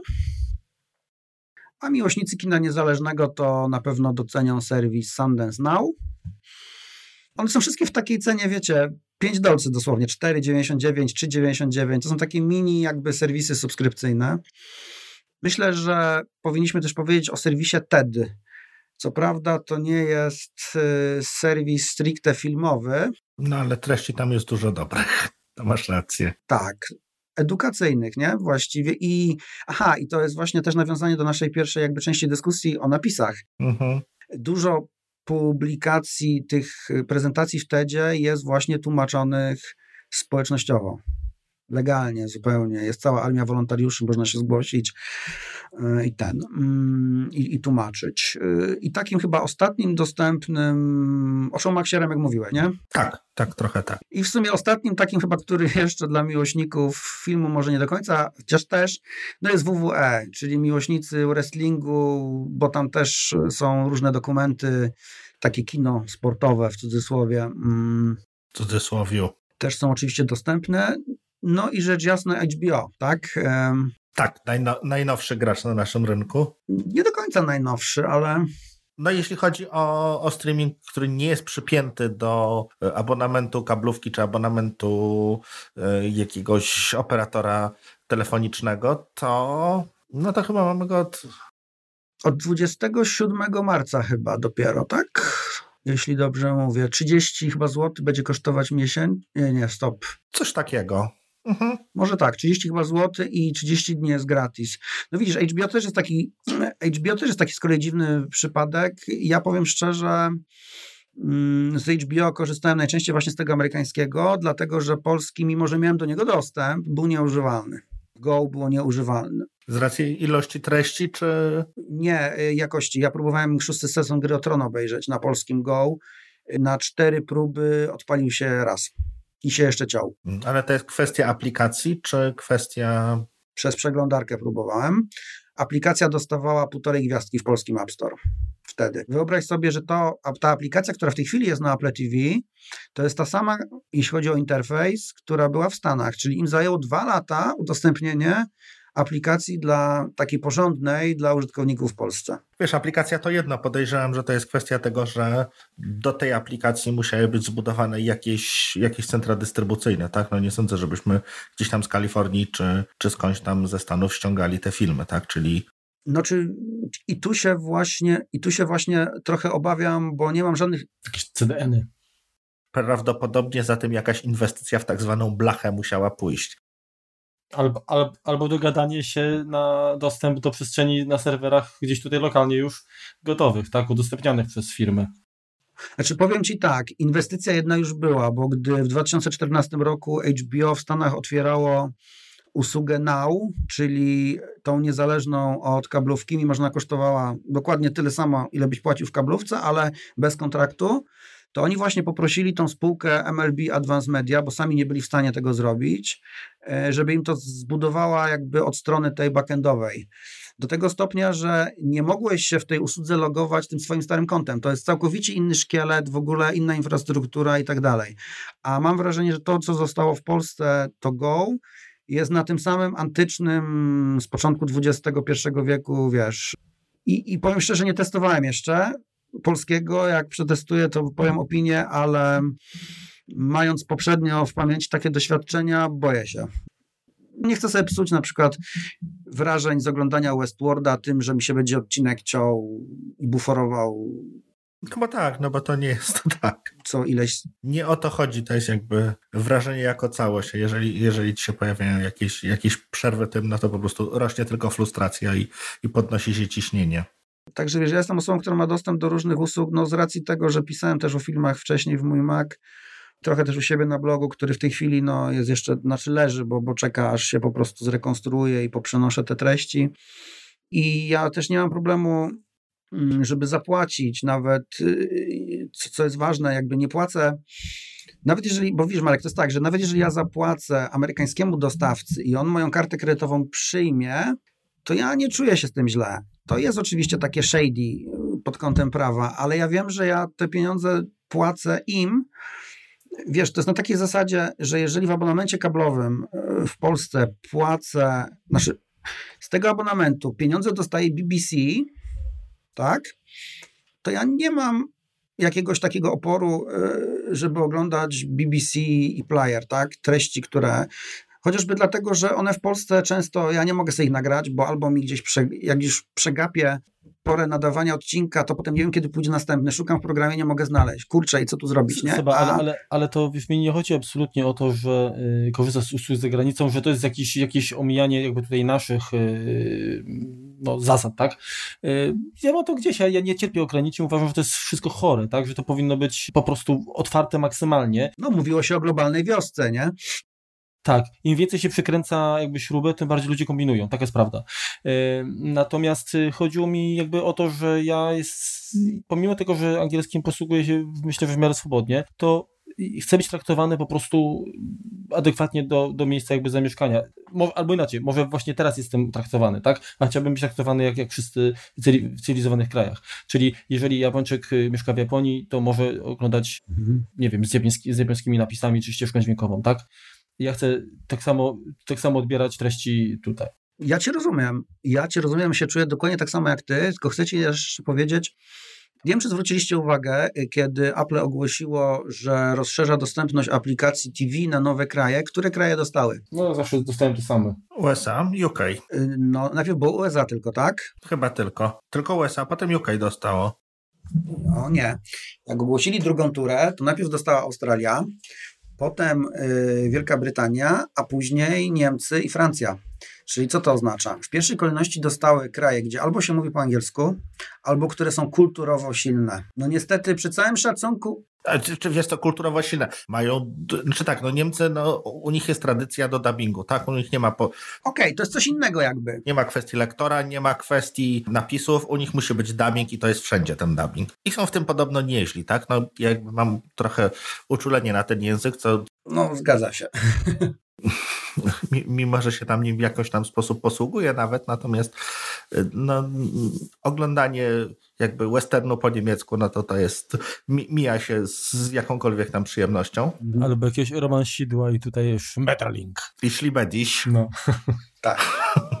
Ale wiesz, co ja mam na myśli, mówiąc kulturowo silne?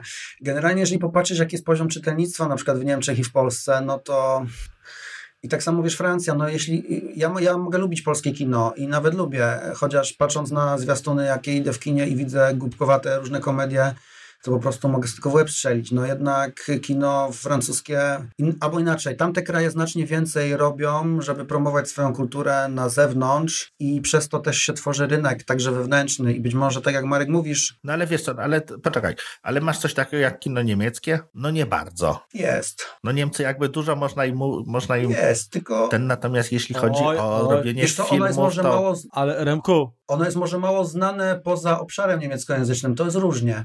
E, no podobnie może powiedzieć o kinie włoskim, tak, e, że poza Felinim i, i, i Argento to większość nie wymieni żadnych innych nazwisk, nie? Tym niemniej... Sorry, że tam się wtrącę. Chciałem tylko powiedzieć, że w latach 40 zeszłego stulecia niemieckie kino miało bardzo dobrą propagandę i, i dużo się działo. A no właśnie, dzięki jednej kobiecie, która podobno była kochanką Hitlera, ale sama zaprzeczała po latach. Też byś zaprzeczał. Nie, ale roz, jakby rozumiesz, bo jakieś nawet też hmm. ja, ja, ja kiedyś nawet z Przemkiem o tym, tak pamiętam, w, na forum mój ma gdzieś tam o tym dyskutowałem, dlaczego u nas nie ma Prima Amazonu.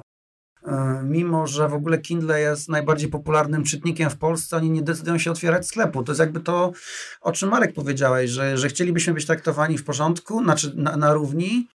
No tylko mówię, jak ja patrzę, jak jest czytelnictwo w Polsce mniej, mniej niż połowa przeczyta więcej niż jedną książkę rocznie, no to trochę mnie to boli też. Tak, ja nie mówię, że nie. Wiesz co, to, to, ja się obawiam, że to jest kwestia po prostu pieniądza, tak? Że to jest zdolność nabywcza. Oni nie patrzą na, na kwestię czytelnictwa, nie patrzą na, na kwestię tego, ile osób chodzi do, do kin, czy, czy coś takiego. No. Ale to jest powiązane chyba, wiesz? Czy, czy frekwencja w kinach jest powiązana ze zdolnością nabywczą, patrząc na to, ile ludzi poszło na Greja i na Botox? Kopiesz poniżej kolan. No. No wiesz, no. Bo jak ty, jak ty tam na chwilę zniknąłeś z Markiem, mówiliśmy o tym, że, że jesteśmy takimi ludźmi kina, że żadne jakby doznanie czy oglądanie filmu, um, bo jeżeli o tym mówimy dzisiaj w streamingu, czy, yy, czy na, na żądanie, nie jest takie, choćby na nie wiem jakim sprzęcie, tak, yy, blu-rayowym. A wiesz co, a ja nie. Ja tutaj ostatnio, znaczy tak, do kina lubię chodzić, tak? Natomiast w momencie, kiedy Mogę sobie rozłożyć kanapę i się po prostu położyć. Mogę sobie taki sam popcorn zrobić, jaki jest w kinie, albo nawet lepszy. Mogę, przepraszam, no, wiek jest taki, mogę sobie zrobić przerwę i iść po prostu się wysikać podczas filmu bez problemu. Wiesz co? Oglądanie w domu też ma dużo plusów. Ja najczęściej i jeżeli ominę jakiś film w kinie, który mnie interesował z różnych względów, bo byłem chory, czy nie miałem czasu, to później, nawet ileś miesięcy potem, chętnie sobie go nadrobię właśnie już w domu. Tak jak mówisz, w takich warunkach, nie? A równocześnie zdaję sobie też sprawę z ludzi, którzy bardzo lubią kino, bo tak jest pewne inne doznanie. Kiedyś mówiono, że jak wejdzie VHS, to kina umrą. Nic takiego się nie stało. Także myślę, że jeszcze jest trochę, że streaming kina nie zabije. I przy okazji też, y, wiesz, ja mogę poruszyć taką kwestię, no bo ty masz Remek tylko Netflixa. Y, no nie, no nie tylko. Y, Showmaxa również. Natomiast, wiesz co, prędzej kino samo siebie zabije, bo to, co mnie najbardziej odstręcza, to nie jest nawet kwestia tego, że idąc rodziną, no to muszę tak wydać ze 120 zł i to też powiedzmy w tym barze to będziemy oszczędzać, tak? Mhm. To mi nie przeszkadza. Mi przeszkadza to, że na dzień dobry dostaję 20, 25 czy nawet pół godziny reklam. Ja dlatego wchodzę do sali później. No widzisz, no jest to też jakaś metoda, natomiast... Zgadzam się z tą w zupełności, nie? Jeżeli te kilka trailerów, to czasem obejrzę z przyjemnością, tak? No bo się nie śledzę tego, nie, mhm. Y, nie jestem na bieżąco. No i czasem te trailery się w kinach pojawiają chyba nawet wcześniej niż na jakichś tam serwisach YouTube'owych, a przynajmniej dla mnie często jest to nowość. Mhm to czasem to chętnie obejrzę. Natomiast reklamy samochodów, czy reklamy generalnie jakichś y, głupot, które co, co jest zabawne, te, y, podczas jednego y, screeningu ta sama reklama potrafi lecieć dwa razy, no to już po prostu ujmuje mojej inteligencji. Mhm. W ogóle to jest ciekawe, bo na przykład jak oglądam w domu, to reklamy w trakcie serialu nie przeszkadzają mi tak jak w trakcie filmu. Zauważyłem. I może to jest też dlatego, że ja najczęściej seriale y, oglądam właśnie w tej chwili głównie Netflix i Hulu. Na Netflixie nie ma reklam, a na Hulu potrafią być ze trzy w trakcie serialu, ale one trwają minutę, a nie tak jak na Polsacie siedem, nie? Zgadza się. Więc to jest taki właśnie moment, tak, że jest reklama, że właśnie idziesz się wysikać. To jest to ta metoda, tak. Czy sobie przygotować drugie chipsy, nie? Jeszcze jak, jak ja miałem kablówkę, to miałem ten DVR, czyli taką nagrywarkę E, od operatora, to. PV, PVR. PVR, tak. To ja z premedytacją nie oglądałem nic na żywo, właśnie po to, żeby móc omijać reklamy. Więc zdarzało mi się oglądać, nie wiem, pół godziny po, po rozpoczęciu się serialu, tak, żeby mniej więcej dogonić, no, no nie na Polsacie, no bo wtedy bym musiał półtorej godziny wcześniej zaczynać. E, natomiast, żeby jakby dogonić, dogonić końcówkę, natomiast żeby nie, nie, żeby nie czekał przez reklamy. Natomiast to jest właśnie minus Dlatego też, y, jeszcze przepraszam, dlatego też y, bardzo często pierwsze co robię to ripuję film, bo również na Blu-rayach czy DVD po włożeniu płyty pojawiają się reklamy, trailery jakichś innych filmów.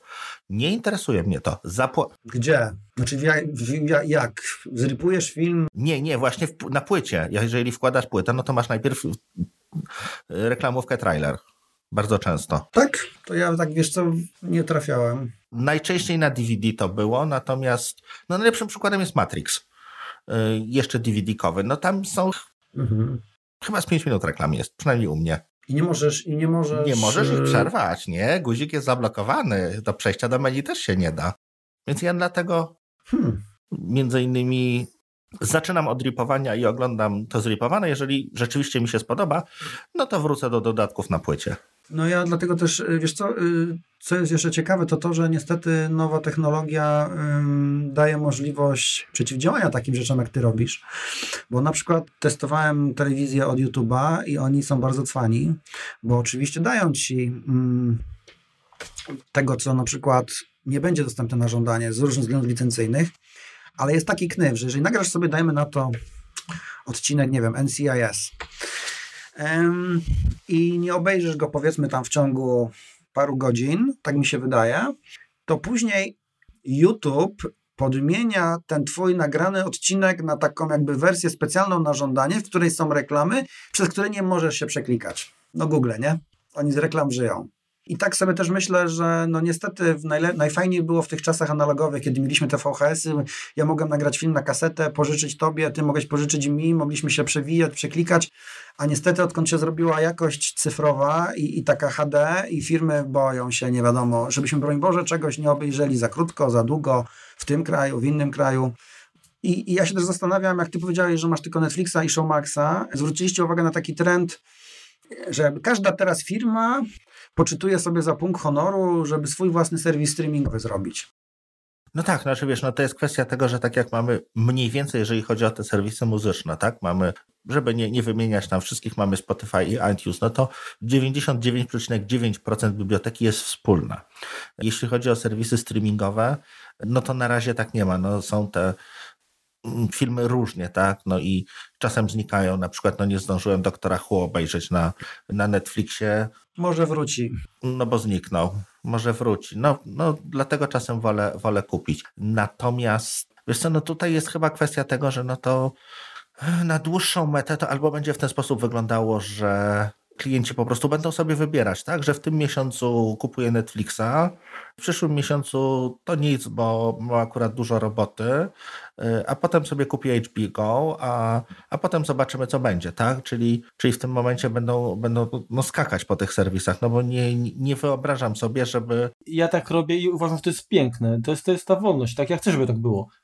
No bo to jest naj, najlepsza, me, najlepsza metoda, no. Chyba, że wszystkie y, serwisy będą miały identyczną ofertę. No to wtedy nie ma sensu. No, no na pewno nie. Zresztą, zresztą w tej chwili do końca 2019 roku wszystkie filmy Disneya znikną z Netflixa, bo już to zapowiedzieli, nie? I niby, że na przykład Wajana jest na Netflixie, ale ja mam kopię jednak kupioną, no mam dwie siostrzenice, więc korzystając z tych promocji tam sobie nabyłem właśnie Wajanę, auta, tam Meridę, wiesz. Zestaw obowiązkowy. Jak... No, no tak, nie? No to, to, to... I wiem, że dopóki Apple będzie istniało, a chyba nic nie wskazuje na to, żeby zbankrutował w najbliższych paru latach, no to te filmy będę miał. Apple się kończy, także wiesz. Znaczy, to na czym ubolewam, to to, że nie mogę w Polsce kupić w iTunes seriali, nie? Bo znaczy teraz wiesz co, nawet y, w ogóle rachunek jest dosyć specyficzny, bo ktoś na przykład może powiedzieć, dobra, ale dlaczego mam płacić 15 dolcy na przykład za jeden sezon Walking Dead? No z drugiej strony, bo to jest z drugiej, bo to jest taka stawka, którą w Stanach byś zapłacił za dwa miesiące Netflixa. Mhm. No, ale jakby z drugiej strony kupisz jest twoje. No pytanie, jak często będziesz wracał do serialu, no? No więc właśnie, ja teraz miałem ostatnio na Twitterze rozmowę z, z Christiną Warren, która kiedyś była w Mashable, a teraz pracuje w Microsoftie i ponieważ za kilka dni startuje serwis streamingowy ESPN-u w cenie 5 dolarów i ona powiedziała, że tam interesuje ją jakiś cykl dokumentów sportowych i mówi, że na iTunesie musiałaby za to zapłacić gdzieś, gdzieś ze 110 dolarów. Mhm. No czyli zwróci się dopiero po dwóch latach. Ale z drugiej strony te 110 dolarów to jest mniej niż ona miesięcznie płaci za kablówkę nie? I teraz, no, za każdym razem jesteś zmuszony liczyć, prawda? No zgadza się. Zwłaszcza w przypadku takich serwisów, bo wiesz, Marek się oczywiście cieszy, że wolność, że mogę zmieniać i tak dalej. No ale też na przykład problem zaczyna się w gospodarstwach domowych, gdzie na przykład, nie wiem, żona chce oglądać programy kulinarne, a jakiś serwis streamingowy ich nie ma, więc musisz i tak nie możesz zrezygnować, bo cię z domu wyrzuci, nie? Oj tam. Tak, oczywiście trochę żartuję, ale, ale, ale jakby ja się boję, że po prostu wrócimy do takich czasów trochę pirackich, że, że będziemy znowu jakoś sobie, wiesz, wypalać rzeczy, trzymać tak jak ty na pleksie w chmurze, coś. Przez tą zachłanność poszczególnych firm, które chcą mieć swoją usługę, swoje treści tylko w niej i nie wiem do czego to doprowadzi. Ale wiesz co, no tak jak jeśli chodzi o muzykę, czy to nie wiem, będzie Metallica, czy to będzie Rihanna, czy to będzie ktokolwiek, tak? I jeśli nagrywa, no to nie nagrywa tego dla Spotify, nie nagrywa tego do iTunes, tylko nagrywa to dla jakiegoś BMG, Natomiast jeśli chodzi o wideo, no to no płaci to albo jakiś, albo za to płaci Sony, albo płaci za to coraz częściej teraz Netflix, y, coraz częściej są jakieś ruchy, jeśli chodzi o, o seriale czy, tele, czy, czy, czy filmy, które będą na wyłączność Apple'a. W tym momencie prawdopodobnie nigdy nie doczekamy się usługi, która będzie skupiała wszystko, tak? No bo zawsze będzie każdy wolał to sprzedać swoim klientom, tak? No, no puścić to jakby w swoim, swoim serwisie. No, y, dlatego Amazon wykupił y, po, po chłopaków od Top Geara, tak? Po, po, po tym, jak się roz, rozstali z BBC. Oni tam podobno dostali całkiem sporą kasę za te, za te trzy sezony, tak? To była chyba duża bańka. Czy trzy? Mhm. Trzy będą? Mhm. Znaczy mówisz, że trzy sezony będą, bo ja nie, Trzy sezony będą. Aha. No, mogła być duża bańka. Znaczy na trzy sezony mają kontrakt podpisany, tak? Bo to podobno to była duża bańka. Jak to fajnie brzmi jeszcze w, przez przed denominacji określenie. No, więc wiesz, no to, to są konkretne pieniądze, tak? No więc tutaj jest to, jest to inwestycja jak gdyby no podejrzewam, że z tego, z tego Prima, czy, czy, czy, czy tych moich trzech, y, trzech tam euro, czy, czy tego Prima nawet, którego płacą Amerykanie razem z tym, z tym shippingiem darmowym, no to, to im się to nie zwróci z tego, tak? To jest inwestycja, inwestycja w przyszłość. Mm, no też zastanawiam się, ile serwisów streamingowych pojedynczy człowiek może mieć zasubskrybowany naraz w ciągu miesiąca. Ty masz dwa, Marek ma Netflixa tylko, prawda? No ile przeciętny człowiek jest w stanie, nie? Podejrzewam, że to jest jeden, dwa i, i, i tak, jak, tak jak Marek mówił, no to po prostu będą się ludzie przełączać. Okazyjnie. Mhm. Idzie Westworld, w kwietniu chyba zaczyna się czy opowieść podręcznej, to przełączę się na chłonie. I, i, i znaczy wiesz, teraz problem też jest taki, że niektóre serwisy streamingowe nie dają swoich seriali sezonu od razu, tak jak Netflix. Mhm. No Star Trek Discovery był takim tym, CBS All Access i tak samo Netflix dawali odcinek co tydzień. No to wiesz, zawsze możesz sobie poczekać na te dwa miesiące. Ale to ci Twitter zaspoileruje. Mm, u mnie nie spoileruje. Dlatego hashtagi są ważne. Masz dobry, masz dobry Twitter. No ja niestety, wiesz, nie mogę... Znaczy powiem Ci tak, połówki ósmego sezonu Walking Dead nie obejrzałem i udaje mi się unikać spoilerów, ale w przypadku czekaj, czekaj, co tam było. Innych rzeczy. Znaczy wiesz, mam takiego kolegę, który mi sprzedał spoiler Walking Dead jeszcze zły, bo powiedział, że na początku siódmego sezonu zginie Murzyn. A ja tak sobie przypominam, przecież tam w lesie żadnego Murzyna nie. bo było ciemno, kurde. bo ciemno było, no. No, no, bo Murzyni jak wiadomo zawsze giną. Przepraszam, czarni teraz tego, nie? Potem Remek Explicit musi wstawić. Afroamerykanie mów.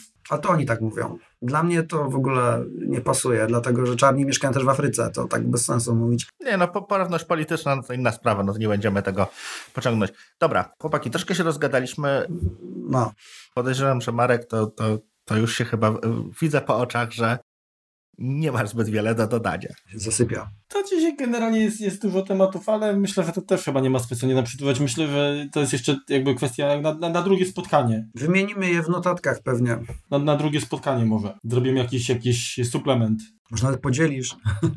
No wszystkie takie, wszystkie te serwisy, o których mówimy, możemy po prostu wymienić w, w, notatkach. No to tak, tak na pewno zrobimy, a jak będą jakieś tam pytania, no to czy przede wszystkim to, to do ciebie, też y, pochwal się tym serwisem, jeśli chodzi to, co, to, co prowadzisz, jeżeli chodzi, chodzi o promocję w iTunes.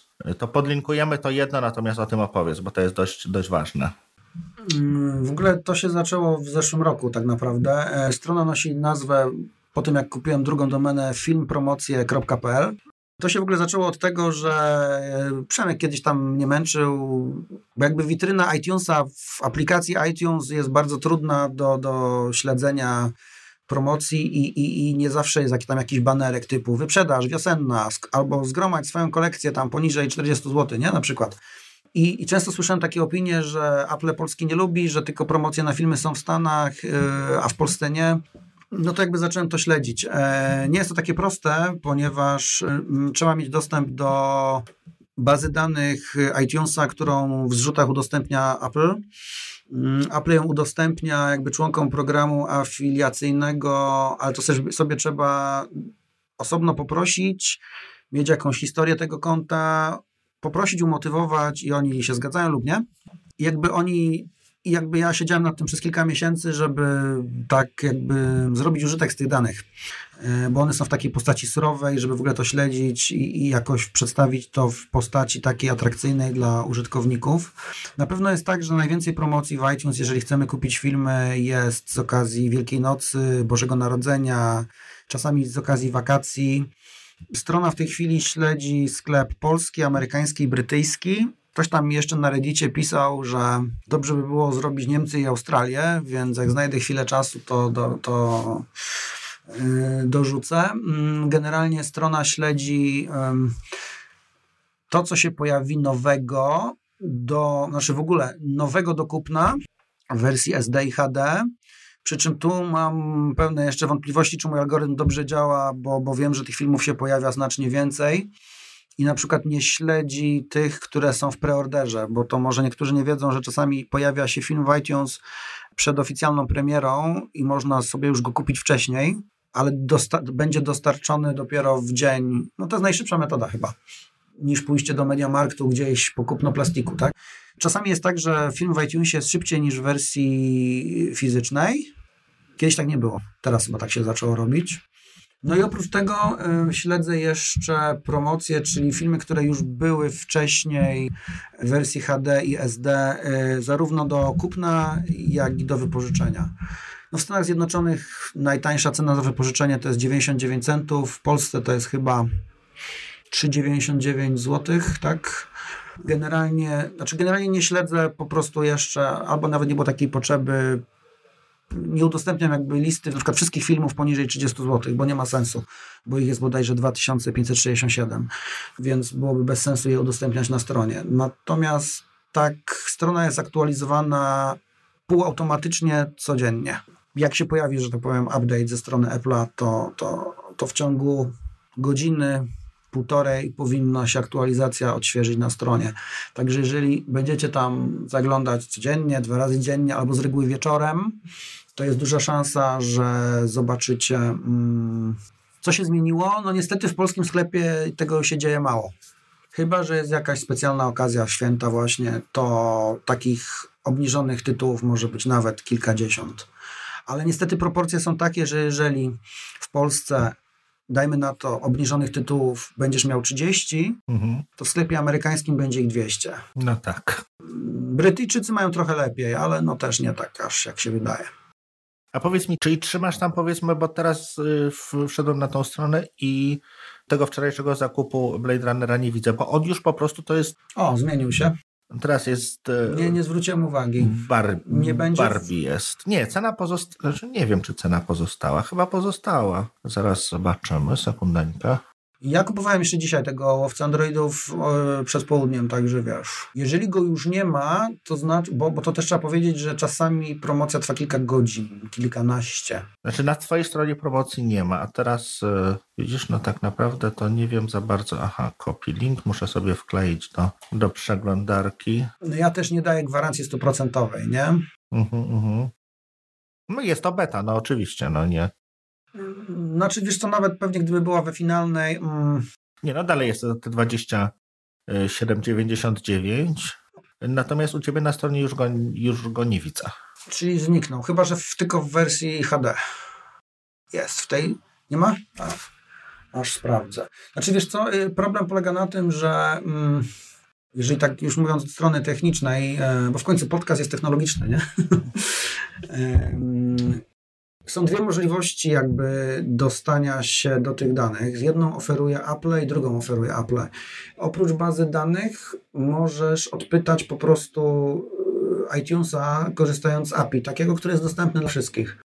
Tylko, że nawet samo Apple mówi, że wyniki zwrócone z tego API mogą być nieprecyzyjne Mm, czyli rozumiesz, jakby to, co jest w aplikacji iTunesa, widzisz na froncie, że jest promocja jeszcze, to Apple u siebie w swojej bazie, y, bo oni jakby udostępniają zrzut bazy, to nie masz, ty nie masz dostępu do. No jasne. Do tej, która, do tej, która jest, nie? W związku z tym oni tam mają cały dział, który się tym zajmuje i, i, i przypuszczam, że on nie jest idioto i błędoodporny ale staram się po prostu, myślę, że nie było w Polsce jeszcze strony, która promocje filmowe w iTunesie śledzi, więc po prostu być może jestem pierwszy. O patrz, teraz faktycznie spojrzałem, rzeczywiście. Czyli zapewne w tym po 17 chyba musiał być jakiś update. Czyli inaczej, jest być może jest też tak, że promocja zniknęła teraz, dlatego że ona zniknie dzisiaj po północy z iTunesa, nie? Aha, rozumiem. Tak też może być, ale jakby nie jestem w stanie tego stwierdzić, nie? Są takie... Czyli w Nowej Zelandii już nie ma? Nie śledzę. Aha, no to właśnie, to jest ciekawe. To, to, to jest w ogóle temat na zupełnie inny odcinek. Y, ja zawsze mówiłem, że Australia to jest taki beta testing country, bo jak tam najszybciej wchodzi aktualizacja iOS-a z reguły i oni pierwsi widzą błędy. Niewielkie ryzyko, bo kto tam to zainstaluje kangury? No, także wiesz, no, no, no fakt, że mi to zajęło parę miesięcy, a, ale był to taki pierwszy projekt od dawna, który zrobiłem jakby całkowicie samodzielnie, że tak powiem, from scratch więc jestem z tego dumny i wiesz, mnóstwo mojego kodu, który jak, jak już napisałem wcześniej jest jak radziecki czołg, bo, bo, bo jest toporny, jak jakiś programista zaawansowany by go zobaczył, to tam powiedzmy by się załamał. Mnóstwo jakichś moich własnych optymalizacji, no wiesz, trochę robione z doskoku, i, i, i, ale stwierdziłem, że, że po prostu warto bo jeżeli sam tego nie zrobię, to nikt tego nie zrobi, nie? I ludzie będą tylko narzekać, że, że Apple nas olewa i nam jakby żadnych promocji nie daje, nie? A często po prostu one są, tylko nie jesteś w stanie do nich dotrzeć, nie? Bo też y, mogę jeszcze tylko dodać, że, bo mam drugą domenę, która się nazywa apppromocje.pl, tam w tej chwili pod tą domeną jest przekierowanie na stronę z filmami, ale myślę też o tym, żeby zrobić polską wersję mm, AppShopera. Czy mi się uda, nie wiem. No dobra, ale to już tak jak mówiłeś, temat na, na inną okazję. Tak, tak. Co, Sebastian, bardzo Ci dziękujemy. No, to troszkę wymęczyliśmy Was, trochę liczyliśmy na krótszy odcinek. Zobaczymy, kiedy mi się uda to złożyć. No jak powycinasz, to będzie 40 minut, albo dwa nawet. Dobra, zapraszamy do komentowania, zapraszamy do śledzenia nas na Twitterze. Jeszcze ja tylko jedną uwagę, bo nie wspomnieliśmy, ale to będzie w opisie. Dodamy linki na przykład do programów, które wykorzystujemy tak do wspierania jakby się w, w kwestii seriali, filmów, czyli na przykład jakieś aplikacje do monitorowania mhm. tego, czy już się pojawi kolejny odcinek właśnie serialu i tak dalej. A. Myślę, że dodamy jeszcze, tak jak w przypadku y, albumów muzycznych, pamiętasz, było, to zaproponujemy jakby własne ulubione filmy. Ile ich byś chciał? Myślę, że podzielimy się z, nie no tam po, po, po 3-4 tytuły, tak bez przesady, no. Z iTunesa, takie właśnie, do, do kupna, czy do pożyczenia? Ja nie wiem, czy akurat moje będą w iTunesie. Aha, okej. Okay. A to teraz dasz mi, teraz już myślałem, że tutaj będę miał trochę luzu, a teraz będziesz każesz mi wymyślać, co mam ulubione. A. No nie, no trudno, musisz, wiesz, okroić. Dobra. Ja dziękuję Wam za zaproszenie przede wszystkim, bo, bo, bo rzadko, znaczy nie miałem okazji w sumie w żadnym podcaście nic mówić o, o tych rzeczach, przez które się tam ostatnio trochę wgryzałem przez parę miesięcy, więc bardzo dziękuję za... Polecamy się na przyszłość. Mm, zadanie... Wiesz, chętnie się dzielimy ze słuchaczami wiedzą, wiedzą innych. Zawsze to dla nas troszkę mniej roboty, więc jesteśmy, jesteśmy ten. Bardzo nam się to podoba. Staramy się tak, wiesz, tak, żeby się raz na miesiąc był gość, tak? I jak na razie hmm, chyba słuchaczom się to, chyba się to podoba. Zawsze to jakaś tam odmiana. Dobra, to jeszcze tak. Z rzeczy porządkowych mamy konkurs z poprzedniego odcinka, y, czyli przy, przypomnijmy zasady. Zazwyczaj kompocik kończymy jakimś przerywnikiem dźwiękowym pomiędzy bloopersami. Jinglem. Dżingielkiem takim, tak. Podajcie kilka y, źródeł tego dżinglu, tak? Czyli skąd wzięliśmy, skąd to jest dźwięk. No, tam są jakieś nagrody, ostatnio o nich mówiliśmy. Co, do 1 maja damy czas? Może. Co ty na to?